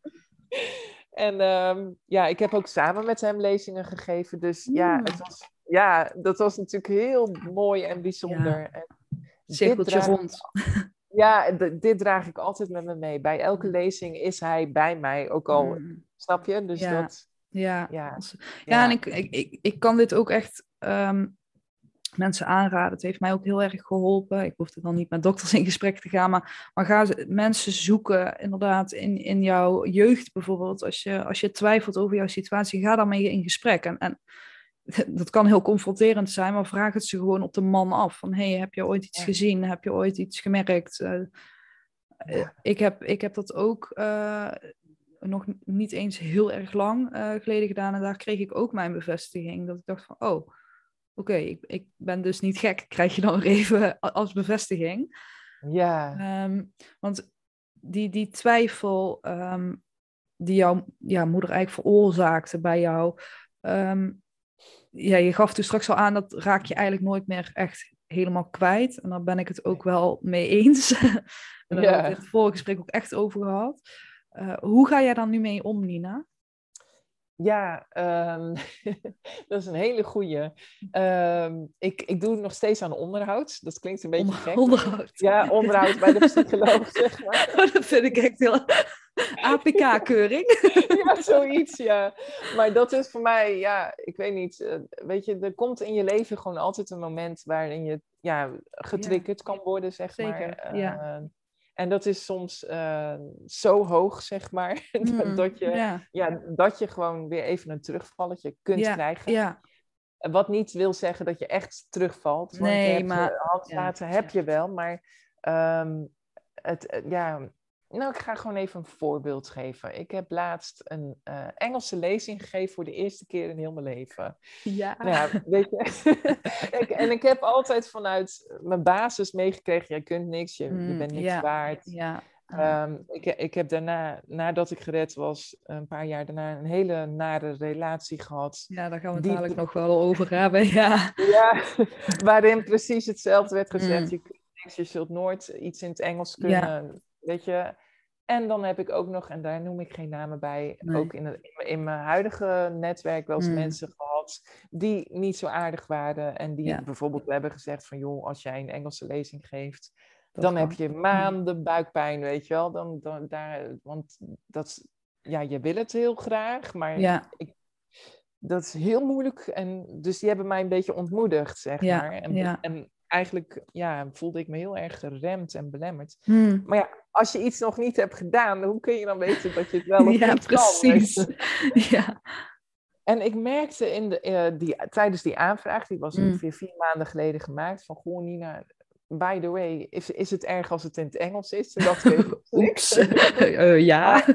Ja, nou ja, weet je, nou eigenlijk nee. Want Nee, ik, ik, ja. ik heb me al jaren daarop voorbereid, maar elke Ja. keer door, eh, of elke keer, toen kwam corona en is een paar keer niet doorgegaan. Dus Ja. ik- eigenlijk had ik het al wel gewoon.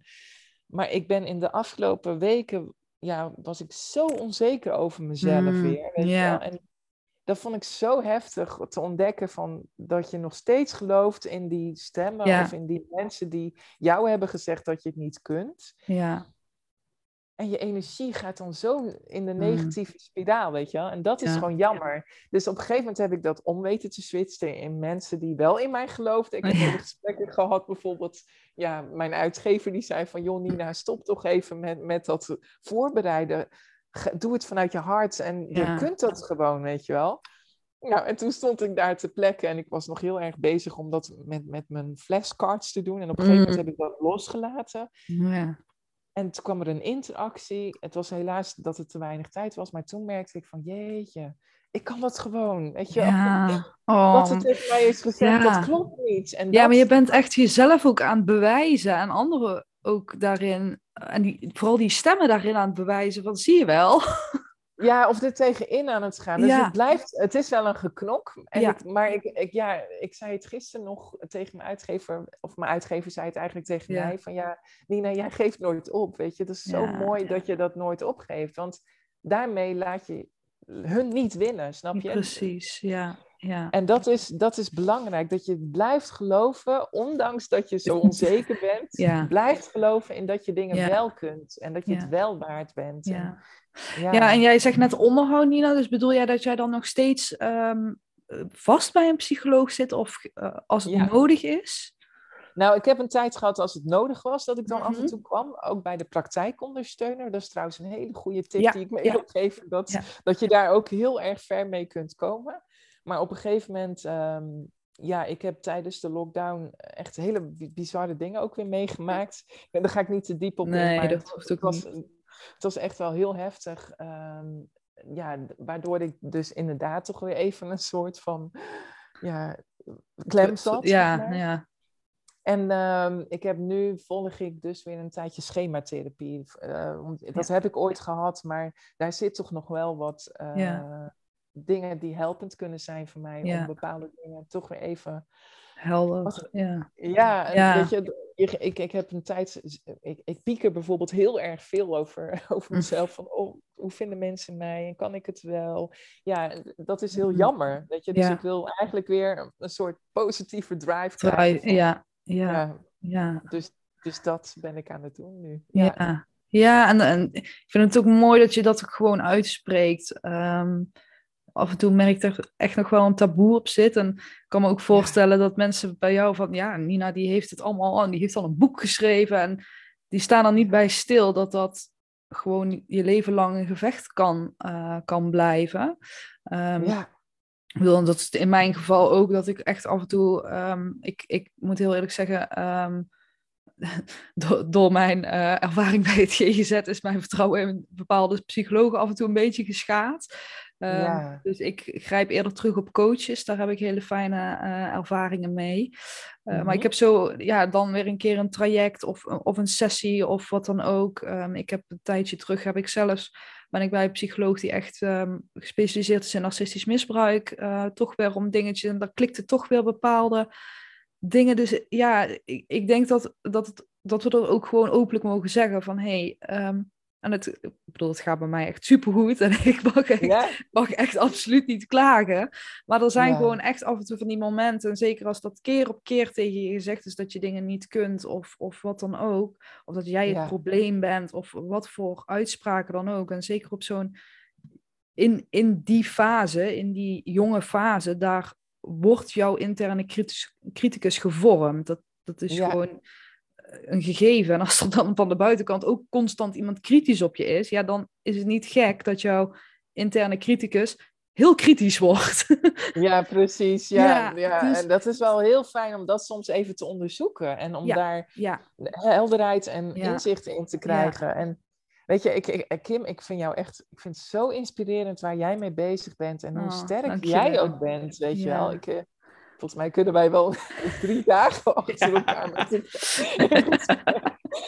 Maar ja, ja ik denk dat, dat het waar is wat je zegt. Van, ja.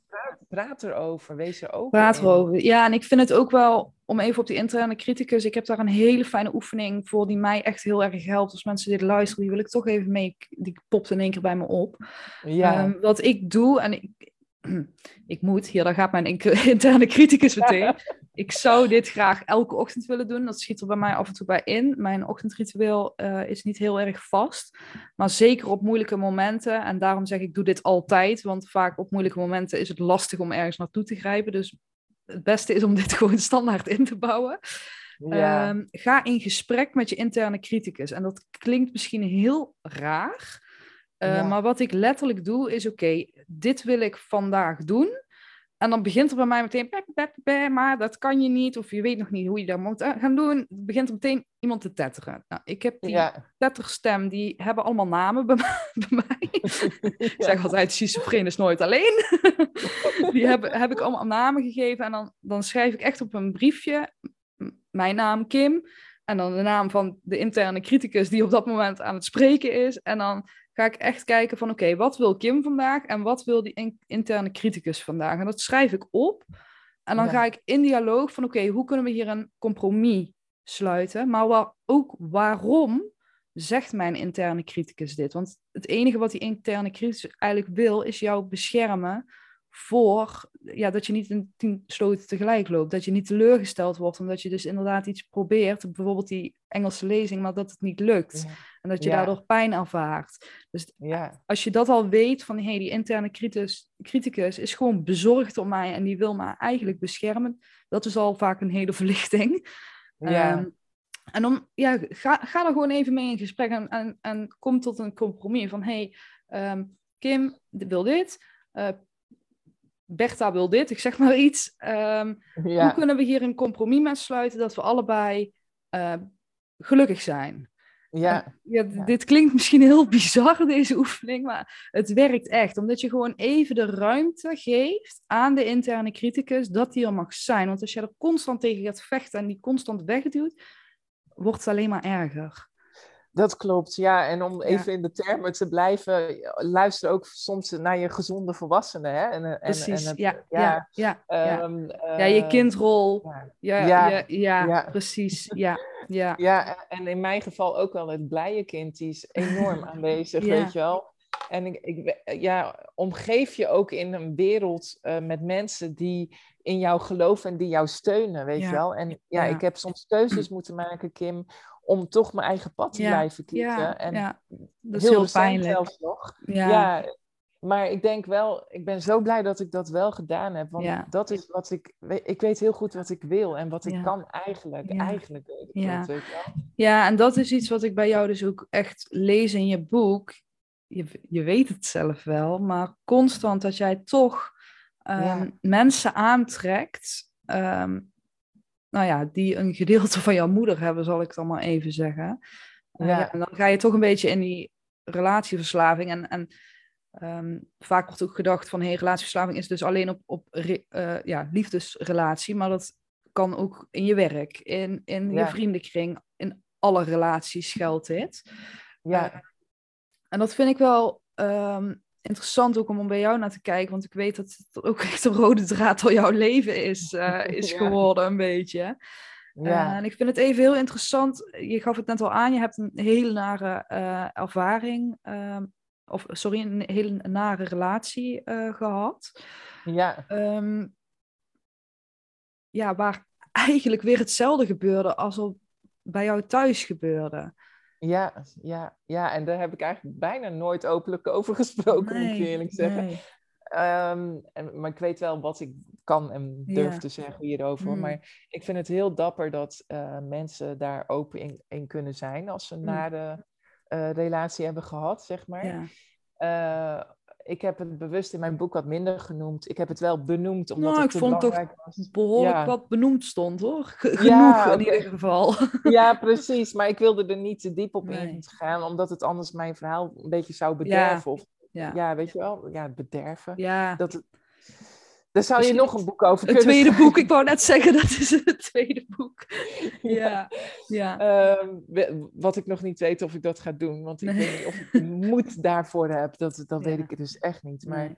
het is zo, eh, ja, dan denk je, weet je, ik weet nog precies dat ik dacht, ik was 17, van nou ga ik leven en ik, ik ga zo gelukkig zijn, ik ga alles inhalen. En Ja. eh, mij overkomt dit nooit meer, weet je wel. Ik, ik, ik- ik- zo- maar, en, dan, Ja. en dan kom je in een relatie waarbij, ja, nou echt heel naar, weet je, vijf en een half jaar. Eh, sterker nog, ik ben dit jaar, ehm, ja, hij heeft me zo in de schulden op mijn naam gezet. Dit jaar ben ik daar Ja, pas van af, weet je. Ik heb jarenlang af moeten betalen. Ja. Tigduizenden. Ik heb die envelop maar dichtgelaten. Ik wil het niet weten hoeveel mijn schuld is. Ja, dat is gewoon vreselijk dat dat je weer is overkomen. Dat, je, Ja. dat op alle vlakken misbruik van mij is gemaakt. Weer. wel. En, ja. ehm, en toch kan dat heel makkelijk weer erin sluipen. Ja, Ja. en, en we hebben het daar in het voorgesprek even over gehad. Ja, maar ik vind het wel mooi om dat jou zelf even te laten te vertellen. Hoe denk Mhm. jij dat het komt dat na wat jij hebt meegemaakt, zeg maar in jouw thuissituatie, dat jij dan deze man ehm, ja, op jouw pad komt? Ja, dat is een, een goeie wat je nu zegt. Kijk, ik, had natuurlijk al niet een super zelfbeeld. Ik was daar nog heel hard mee aan, aan, aan het knokken. Letterlijk, weet je wel, dat ik extreem ging lijnen in die tijd nog. Ja, Nu niet meer hoor, maar toen wel. Ehm, en dat ik ehm, ja, toch altijd het idee had van ja, nou, misschien dat hij toen op me afkwam van nou ja, er komt iemand op me af, wow, weet je wel. En ja. ja, veel beter zal het niet worden of zo. Ik Mm, weet niet hoe ik ja. het moet uitleggen. ja Dus- en dus- was hij, ja. ehm, was hij heel erg. gaf hij veel complimenten aan jou? Of ja. Ja, Ja.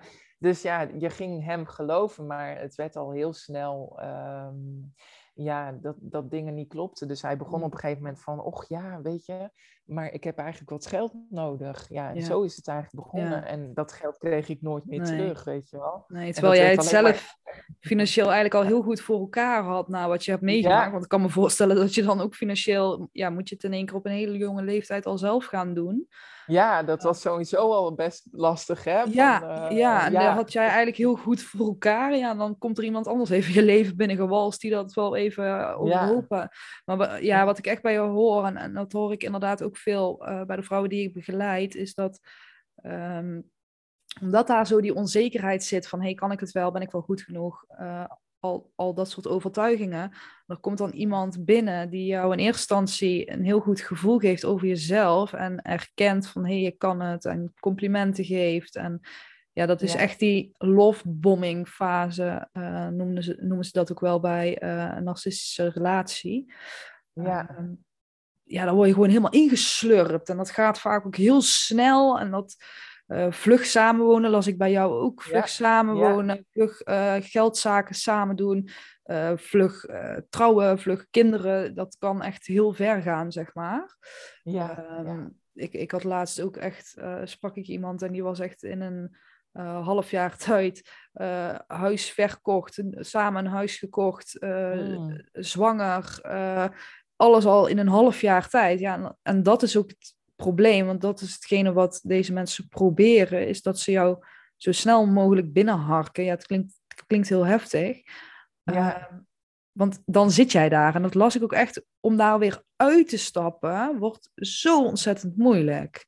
Ja, ja. En ja, ik, ik, jij bent weggegaan. Jij bent even tijdelijk bij jouw zus gaan wonen, las ik in jouw boek. En daarna toch weer terug, omdat die schulden dus nog zo... Ja, hoe moeten we dit oplossen? En we moeten dit toch met z'n tweeën oplossen.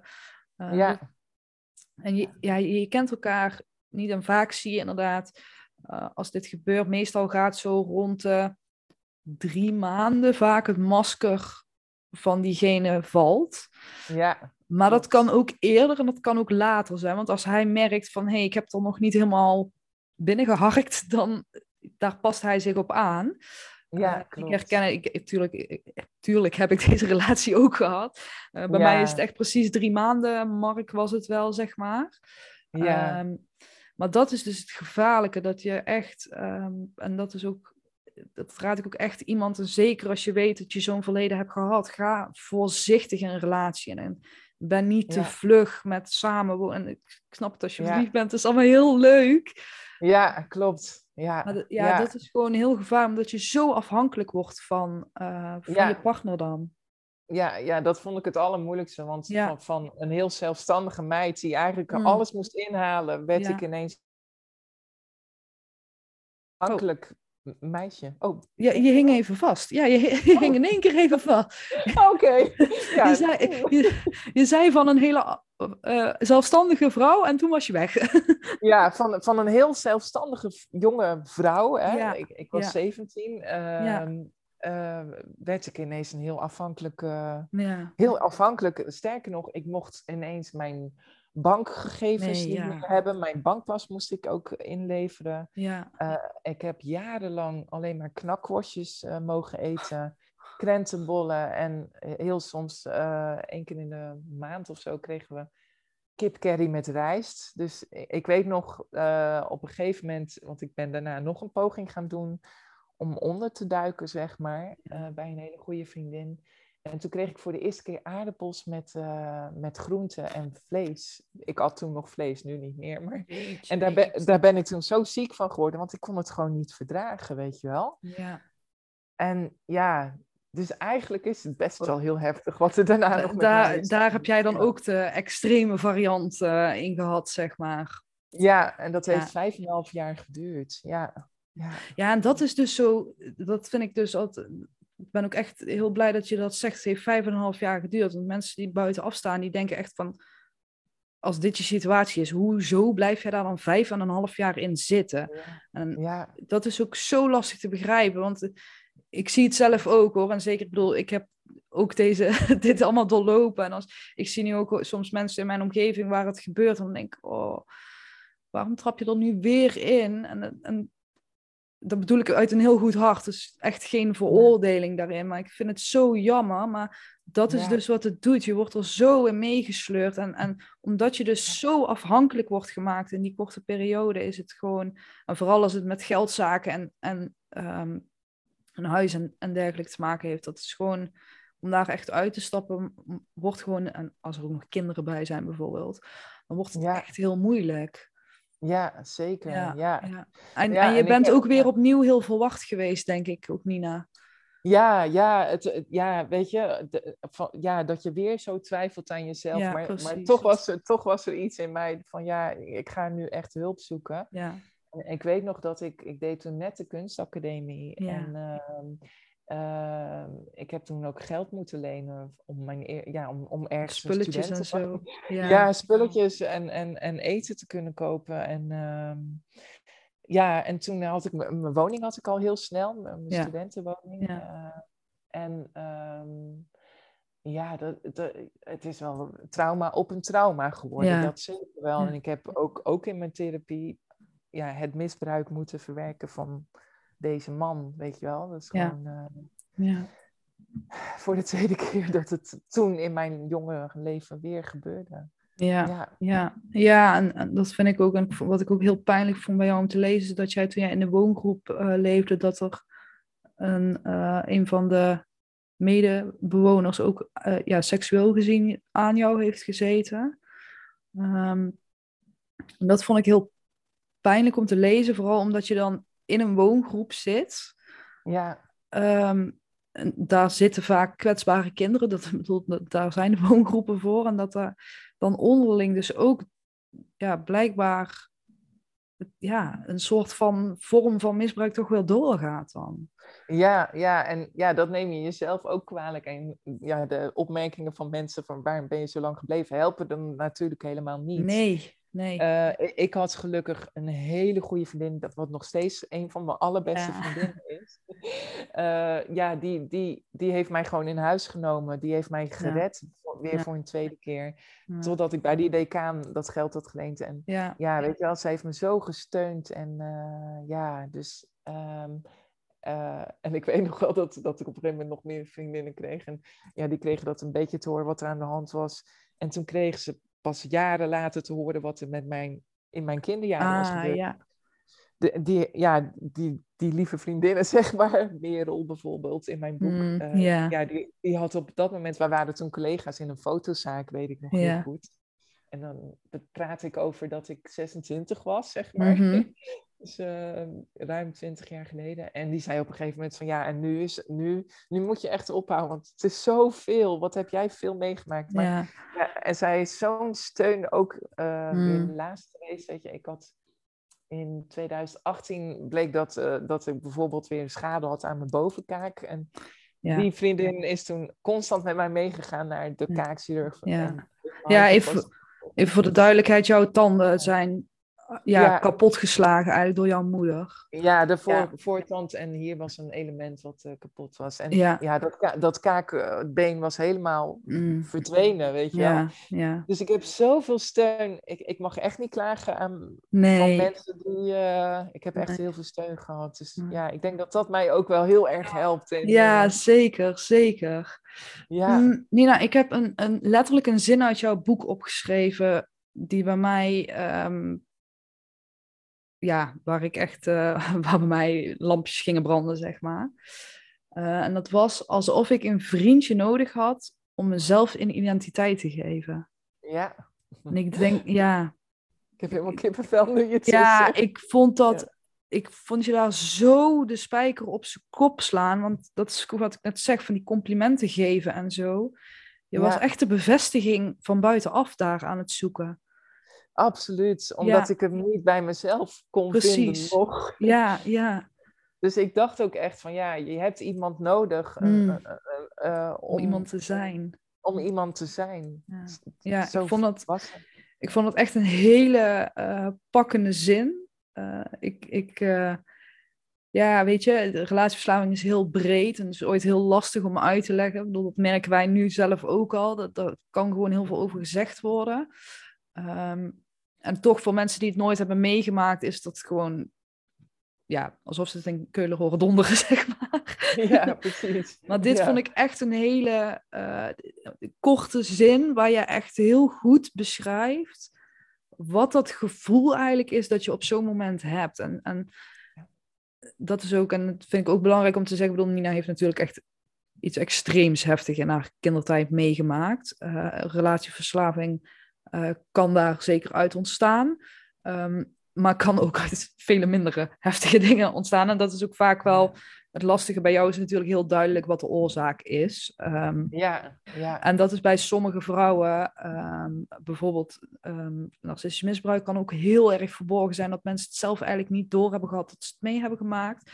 Maar ik, ik, uh, in een andere podcast met Danique de Roo bespreek ik ook dat uh, Danique geeft dat ook heel mooi aan. Dat het bijvoorbeeld kan zijn dat je een broertje of zusje krijgt en dat in één keer alle aandacht niet meer naar jou gaat, maar naar jouw broertje of zusje. Ja. Natuurlijk helemaal geen in, uh, bewuste intentie geweest waarschijnlijk van de ouders, maar zelfs dat kan al een, een kindpijn met zich meebrengen, waardoor een relatieverslaving kan ontstaan. Dus dit is wel een echt ja. extreem uh, voorbeeld natuurlijk. Ja, maar ja. ik vond deze zin vond ik echt, echt enorm pakkend. Dat vond ik echt heel mooi opgeschreven.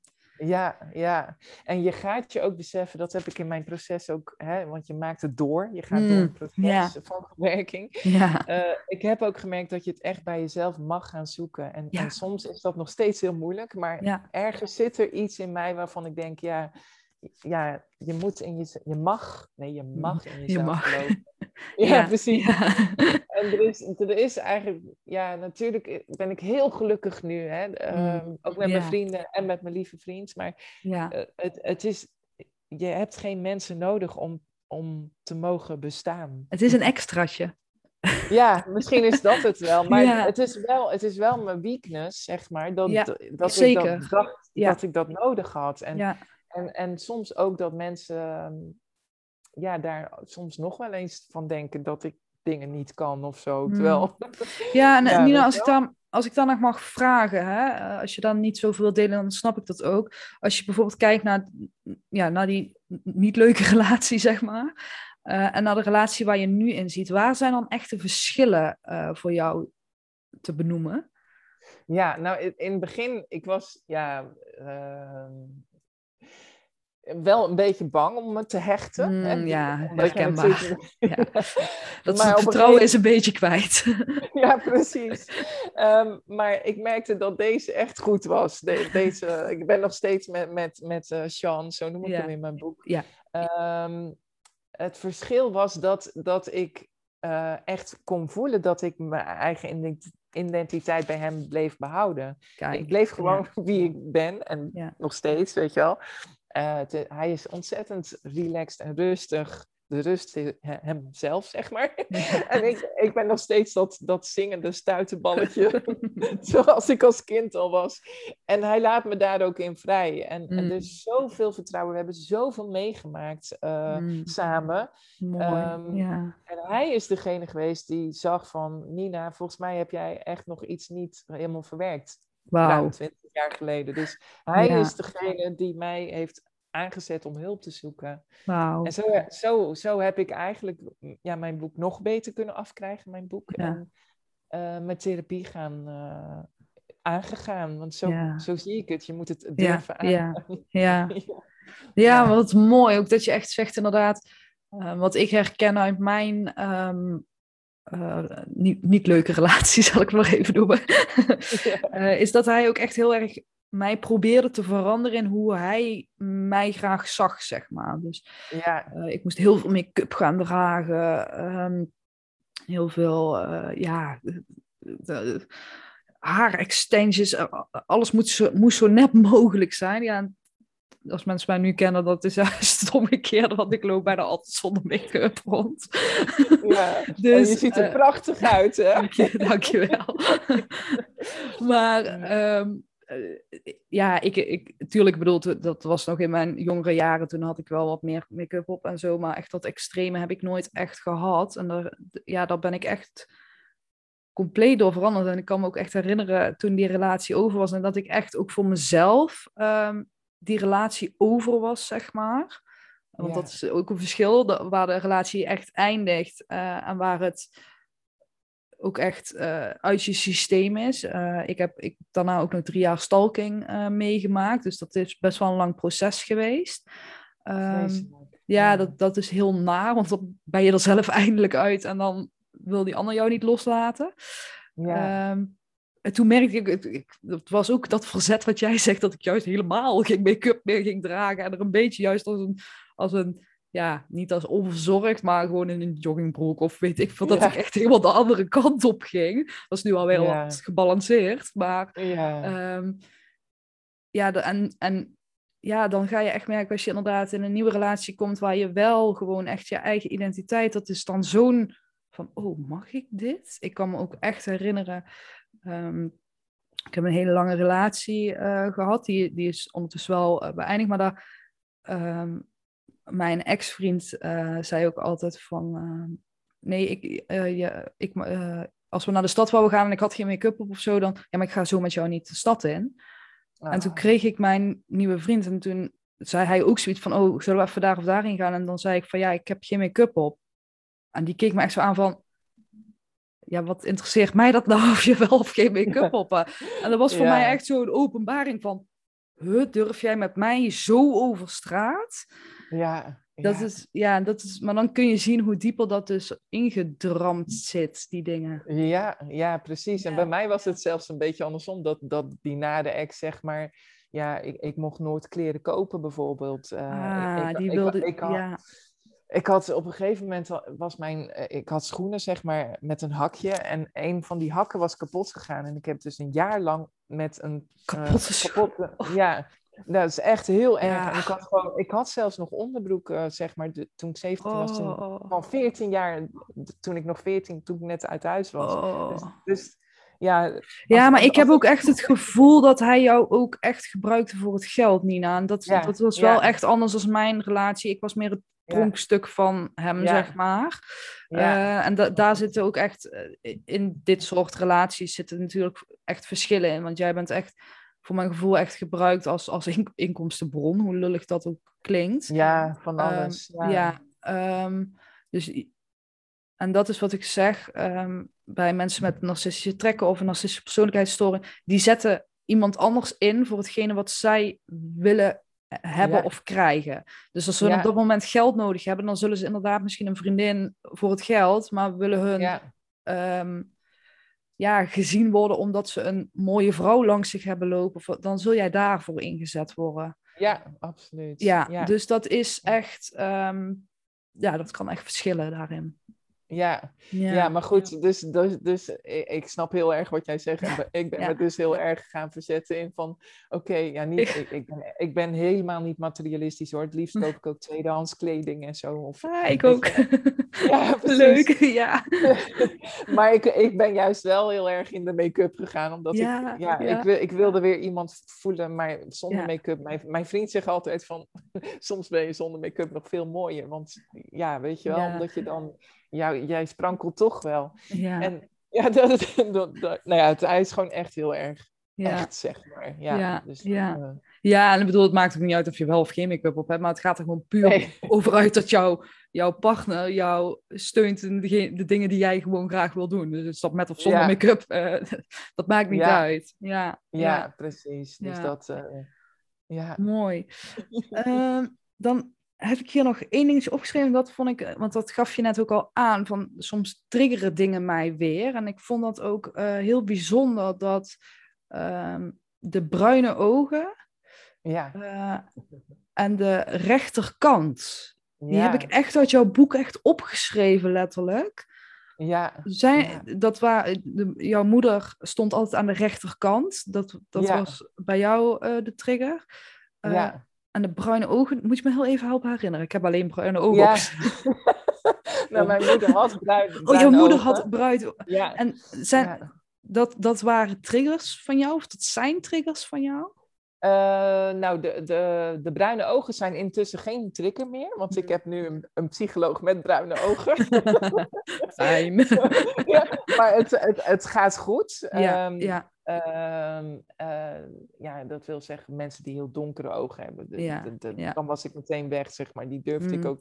en dan ja. dissocieerde jij echt, hè? Ehm, Ja, ja, ik heb echt eh, heel, eh, ja, extreem gedissocieerd. Mm. Gelukkig is dat nu ook stukken minder. Ja, bijna niet meer eigenlijk. ja. Alleen, alleen de rechterkant is nog steeds een ding.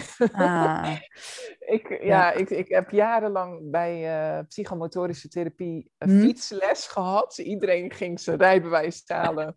maar nee. En ja, het zit zo klem. Ik, ik, ik, ik blokkeer gewoon als ik die bocht moet nemen. En dat is natuurlijk super Ja. irritant als er, voor de mensen in het verkeer. Want Jij staat daar, oeh. Ja. En, en Maar hoe, ik- hoe ja. ver gaat dat, Nina? Is dat dan ook dat jij aan de rechterkant van het bed slaapt, bijvoorbeeld zodat jouw partner aan de linkerkant ligt? Of hoe moet ik dat dat, was in het begin, in, wa- Ja. was dat zo. En dat heb ik nu helemaal losgelaten. bewust Ik- omgedraaid? Sterker nog, ik lig nu aan de rechterkant. Of nee, dus... Aan de linkerkant dan? Ja, Ja. precies, Ja. ja. Dus, ehm, Ja, maar ik kan me voorstellen inderdaad, en, en vooral met intimiteit bijvoorbeeld in bed, als het dan van rechts komt, dat het voor jou echt een enorme trigger kan zijn. Dat klopt, dat is heel Ja. lang echt zo geweest. En er zijn maar weinig mensen nog die ik echt heel erg aan de rechterkant durf toe te laten. Ik heb ook wel eens meegemaakt, ja, weet je, de, eh, je maakt altijd mensen mee in je huidige situatie die niet zo fijn zijn. Ja, Ja. die gingen dan toch aan de rechterkant, ja, lop, blokkeer. Ja, Ja, je voelt gewoon alsof iets blokkeert, letterlijk. Ja, En ik heb nu, ja, je mag gerust weten, ik ga er toch iets aan doen, Kim. Ja, ik, ga, ik ga een hele mooie tatoeage op Ah, mijn rechterarm arm, eh, laten zetten, 6 Ja. januari. wauw. Als dat ja. allemaal doorgaat. Maar, Hm. En dat is een reminder voor mijzelf om, om ja, misschien dat die rechterkant dan op een gegeven moment, eh, Ja, los, los op. Ja, hoe moet je. Ja, ja, ja. ik weet het niet. Ja, ja, en dat vind ik wel.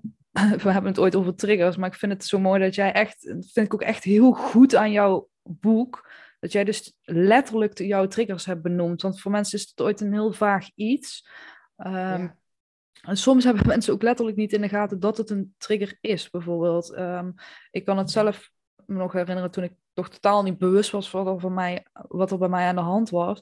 Ehm, bij mij zijn bijvoorbeeld eh wenkbrauwpiercing. eh, mijn seksueel misbruiker had een wenkbrauwpiercing. Dat was voor mij heel triggerend. Eh, die had ook een tatoeage in zijn nek. Dus dat soort dingen waren voor mij heel erg triggerend. Maar dat had ik helemaal niet in de gaten. Maar ik, ik merkte meteen, oh, die mensen vind ik echt, wil ik zo ver mogelijk bij vandaan of zo. Gelukkig Oh, kom je die nu niet extreem veel tegen, maar dan had ik meteen een, een, ja, een bepaalde afkeer tegen, zal ik het maar bijna Ja. eh, noemen. Ehm, mensen die heel veel slikken en zuchten, vond ik heel vervelend. Ja. dus ehm, ja, dat Ja. zijn, maar dat zijn van die, vaak van die hele onbewuste dingen. Dus ik vind dat heel goed dat jij dat echt letterlijk in jouw boek opschrijft, dat mensen ook bij zichzelf van, oh, wacht, zo, zo klein kan het dus bijvoorbeeld zijn. Ja, ja. Ja, Ja, een, een van de dingen waar ik echt jaren mee aan het worstelen was, was een rood stoplicht. De- Ik snapte daar helemaal niks Oh. van, weet je wel. Dus dan moest, dan, nou ja, en de, er zaten twee triggers achter. Eén, stoppen is dat je niet meer mag bewegen. Dat is, ah, ja. ja, weet je wel. Van, ja. eh, de- dus als ik, ja, ik was toen heel erg aan het dissociëren in de tijd toen ik net in therapie was. En Mhm. dan ging ik op de fiets, wat al niet zo goed ging met die bochten. Met die rechterkant, ja. Ja. En dan zei die stoplicht stop. Ja, dat was mij. Ik moest gewoon blijven bewegen, Ah, anders kon ja. ik in een soort eh verlamming, sch- eh, verlamming Ja. schieten. En het rode eh, licht was ook een trigger naar de- dat ik vroeger rode gordijnen had. En die deed mijn moeder altijd dicht. Ja, Dus ro- rood licht was voor mij de meest heftige trigger, zeg maar. ja, ja. En ja, ik ben dat zo langzaam gaan aanpakken door, ja, ik heb hier nu een oranje licht, maar dat is Ja. voor mij een soort van, ja, Ja. hel- helpend iets om daar overheen te komen, Ja. zeg maar. Ja. Ja. Ja, Dus, ja, eh, en zo waren voor mij ook kinderen bijvoorbeeld heel erg triggerend. Ah, Eh, en dan, ja, dat klinkt, dat klinkt heel heftig als ik dat nu zeg, maar gewoon ehm, de vrolijkheid van kinderen. Eh. Puur om, ja, dat, dat is, vind ik ook heel erg om te zeggen, want daar kunnen kinderen niks aan doen en ze moeten juist vooral zo zijn. Maar dat was voor Ja. mij echt een trigger, dat ik, eh, ik wist niet hoe ik daarmee om moest gaan, ook om, omdat ik dat zelf niet geleerd heb. Van hoe, ja, ik heb ah, daar niet ja. het, het beste voorbeeld in gehad, zeg maar. Dus dat vond ik altijd heel. eh, wat, wat moet ik hiermee? Dus Ja. ja, ja, en dat heeft voor mij ook altijd heel eh, eh, heftig van. Oh, ik wil absoluut geen kinderen. En, en dat moet ik zeggen, dat begint nu wel wat te veranderen daarin. Dus dat. eh, Oh, ja, gelukkig. ja, ja, ja, ja. En ik hoor dat best veel mensen die iets van, van eh, misbruiken in de thuissituaties, ook dat ze heel bang zijn om, ehm, ja, dat ze bang zijn dat ze geen goede moeder bijvoorbeeld gaan zijn. Heel verantwoordelijkheid. Ja, ik hoor daar echt wel, dat is ook wel echt, als je dan verder in je leven komt, ook wel zo'n ding waar je tegenaan gaat lopen. Dat het ook weer een hele trigger is Ja. om überhaupt aan kinderen te gaan eh, denken. Ja, ja nou, ik, ik herken het heel erg, want ja, om maar eventjes nog meer taboe te verbreken. Ja, Ja. dit jaar heb ik officieel besloten met mijn partner, we gaan geen kinderen, Ja. eh, de- definitief. Dus ik heb het Mm. nog jaren uitgesteld en het klinkt een beetje gek. Van, sommige mensen denken er helemaal niet bij na, maar voor mij is het eigenlijk heel verdrietig. ja, Eh, alleen ik praat er nooit over, weet je. Eh, omdat ik die keuze heb gemaakt, maar dat wil Nee. niet zeggen dat het dan een makkelijke keuze is, weet je wel. nee, nee. Ja, ik denk dat ik een hele goede moeder zou zijn. Dat, de- dat, nou, dat denk ik niet, dat weet ik al zeker. ik denk dat ik iets Ja. te lief zal zijn ook. Maar Mm. ja, wat nou als mijn kind naar een ziekenhuis moet? Weet je? Oeh, Dat ja, is- ja, ja. ja. Ja, want Ja. hoe, dat, Nina, dan ben ik eigenlijk wel... En dan moeten we echt wel eh een einde gaan breien, denk ik. Ja. Want ik, blijf, ik blijf eh, dingen blijven in me oppoppen. Maar hoe, is, hoe is naar een ziekenhuis gaan voor jou? Want dat lijkt me, pff, dat lijkt me echt de hel. Ja, dat is het eigenlijk ook. Ja. Ik, ik, ik heb echt moeten leren om, als er Ja, iets is, ja. om, ja, en sterker nog, ik vind het nog steeds heel moeilijk. Nee. Dus Ja, ehm, ja, deze hele tijd, deze hele coronatijd, vind ik ook heel lastig. Mm, ja, Eh, ja. Omdat je nu een kans kan lopen dat je ziek wordt. Ja, ik vind het ja. Dus voor jou extra angst. Ja, Ja, ja, Ja. maar ik heb wel weer manieren gevonden. Ik, ik hou van oplossingen bedenken. om Ja. daarmee om te kunnen gaan. En voor iedereen is die anders. Maar Ja. ja, voor, mij heb ik een beetje gevonden van nou. Ik hoop wel dat het snel voorbij gaat, deze hele periode. Dat, Ik denk dat je niet de enige bent. nee, zeker. Voor iedereen. Hè. Niet Ja. alleen voor mezelf, voor Nee, iedereen hoop ik dat dit. eh, Ja. ja, want als jij naar een ziekenhuis gaat, eh, vertel jij dan ook altijd wat, er, wat jou Ja. is overkomen? Ja, ik denk dat dat Ja. wel heel helpend is voor je. Ja. Ja, ja. Ik, heb, oh, ja ik heb bijvoorbeeld eh, ziekte van Crohn. Het is heel moeilijk om dat te accepteren, omdat mijn moeder altijd Mm. heeft gezegd dat dat met mij aan de hand was. Dat was toen niet, maar dat is waarschijnlijk gekomen. Ehm, en ja, dus ik, ja, ik zit nu weer in een fase waarin het even slechter gaat. Maar dat is Mm. niet zo gek door al, alles wat ik de laatste tijd Ja. heb meegemaakt. Ehm, dus eh, ik heb hem de eerste keer mijn boek gegeven. Ik zei, ja, ik kan er niet zo goed over praten, maar dit is wat ik heb meegemaakt. En als ik dan nu naar onderzoek moet, zoals een, eh, Ja. ja, zo'n zo'n slang in je keel, weet je wel, om je maag te Ja, onderzoeken. ja, ja. Of een darmonderzoek. Of de ja. andere kant, ja. Ja. Dan krijg ik een roesje. Ja, en, en dat was vroeger niet heel erg standaard. Maar Nee, dat, maar nu dat- wel. Ja, dat kan. Ja, Ja. en dan Ja, en eh, ik- Ja, zet en ik, de radio aan, weet je wel, om mij Ja. af te leiden. Ja. ja, ja. ja ik, ik denk dat het ook maakt het jezelf daarin zo makkelijk mogelijk. Ehm, dit zijn natuurlijk hele pijnlijke dingen voor jou. En dat geldt ook voor mensen met ander misbruik. Ehm, hoe moeilijk dat ook is hoor. Want jij hebt dan jezelf eigenlijk het gecreëerd van ik kan mijn boek geven. Dat is natuurlijk eigenlijk heel handig. Ja, Ehm, ja. Maar ja, maak het, men, of maak het jezelf daarin zo makkelijk mogelijk. Als je inderdaad naar een, een situatie toe moet ehm, die triggerend is. ehm, ja, al kun je er zelf niet over delen, deel, neem iemand bijvoorbeeld mee, een goede vriendin of je partner of wat dan ook, die, die dat even uit kan leggen wat er aan de hand is. Want als een Ja. dokter bijvoorbeeld in jouw geval niet weet wat jou is gebeurd, ja, dan kan hij misschien een hele lompe opmerking maken, wat hij helemaal niet zo bedoelt. Maar Ja. ja, ja dan snapt hij ook waar, jij waar jij vandaan komt. Ja, zeker. Dus Hmm. eh, ja, en die, die heb ik ook meegemaakt, eh, Kim, Ja. de lompe opmerkingen. Dus Ja. waardoor, waardoor ik weer helemaal niet meer Kan ik- durfde. Maar ja, kan ik me dus heel dat- goed voorstellen. Ja. Oh ja. Ja. Hmm. Jee, wat een bijzonder gesprek. Ja, ja, wij raken niet uitgepraat, denk ik. Dus ik, ik ga er nu gewoon eh, de, de stop in gooien. Ja, precies. ja. Ehm, wil jij als laatste, Nina, nog iets aan mensen meegeven? Of iets kwijt, iets, de laatste Ja. woorden? De laatste woorden. Van ja, als jij in je omgeving merkt dat, dat er Ja. iets met een kind aan de hand is, ja, doe er echt iets mee, weet je. Eh, het kleine, je kunt zo'n klein verschil maken door het kind alleen al te zien, eh, Mm. te, te merken dat het kind er is. Hè, de- Ja. door gewoon eh hoi te zeggen, bij wijze Ja. van. Of, en ja, als je het zelf hebt meegemaakt, wat, ja, waar wij, wij mee in aanmerking zijn Mm. gekomen, ja, probeer toch te geloven in jezelf, hoe moeilijk dat ook is. Ja. En ehm, dat je mag realiseren dat het echt nooit jouw schuld is geweest. Juist omdat dat zo op ons is gedrukt altijd.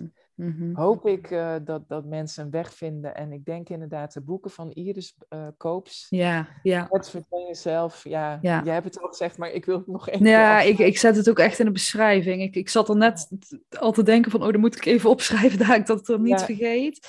Eh, Ja. Inderdaad, verdwenen zelf jouw boek natuurlijk niet. Daar staat ook onder in de beschrijving. Ehm daar kun je ook echt heel veel herkenning uithalen. Heel mooi geschreven. Of ingesproken door Isa Hoes via Storytel. Ehm dan kun je ook volgens mij zeven gra- dagen gratis ehm, Storytel pro- uitproberen. Kunnen, Oké. kun, je, kun je even jouw boek snel luisteren in die zeven dagen, eventueel. En vergeet ik nog iets?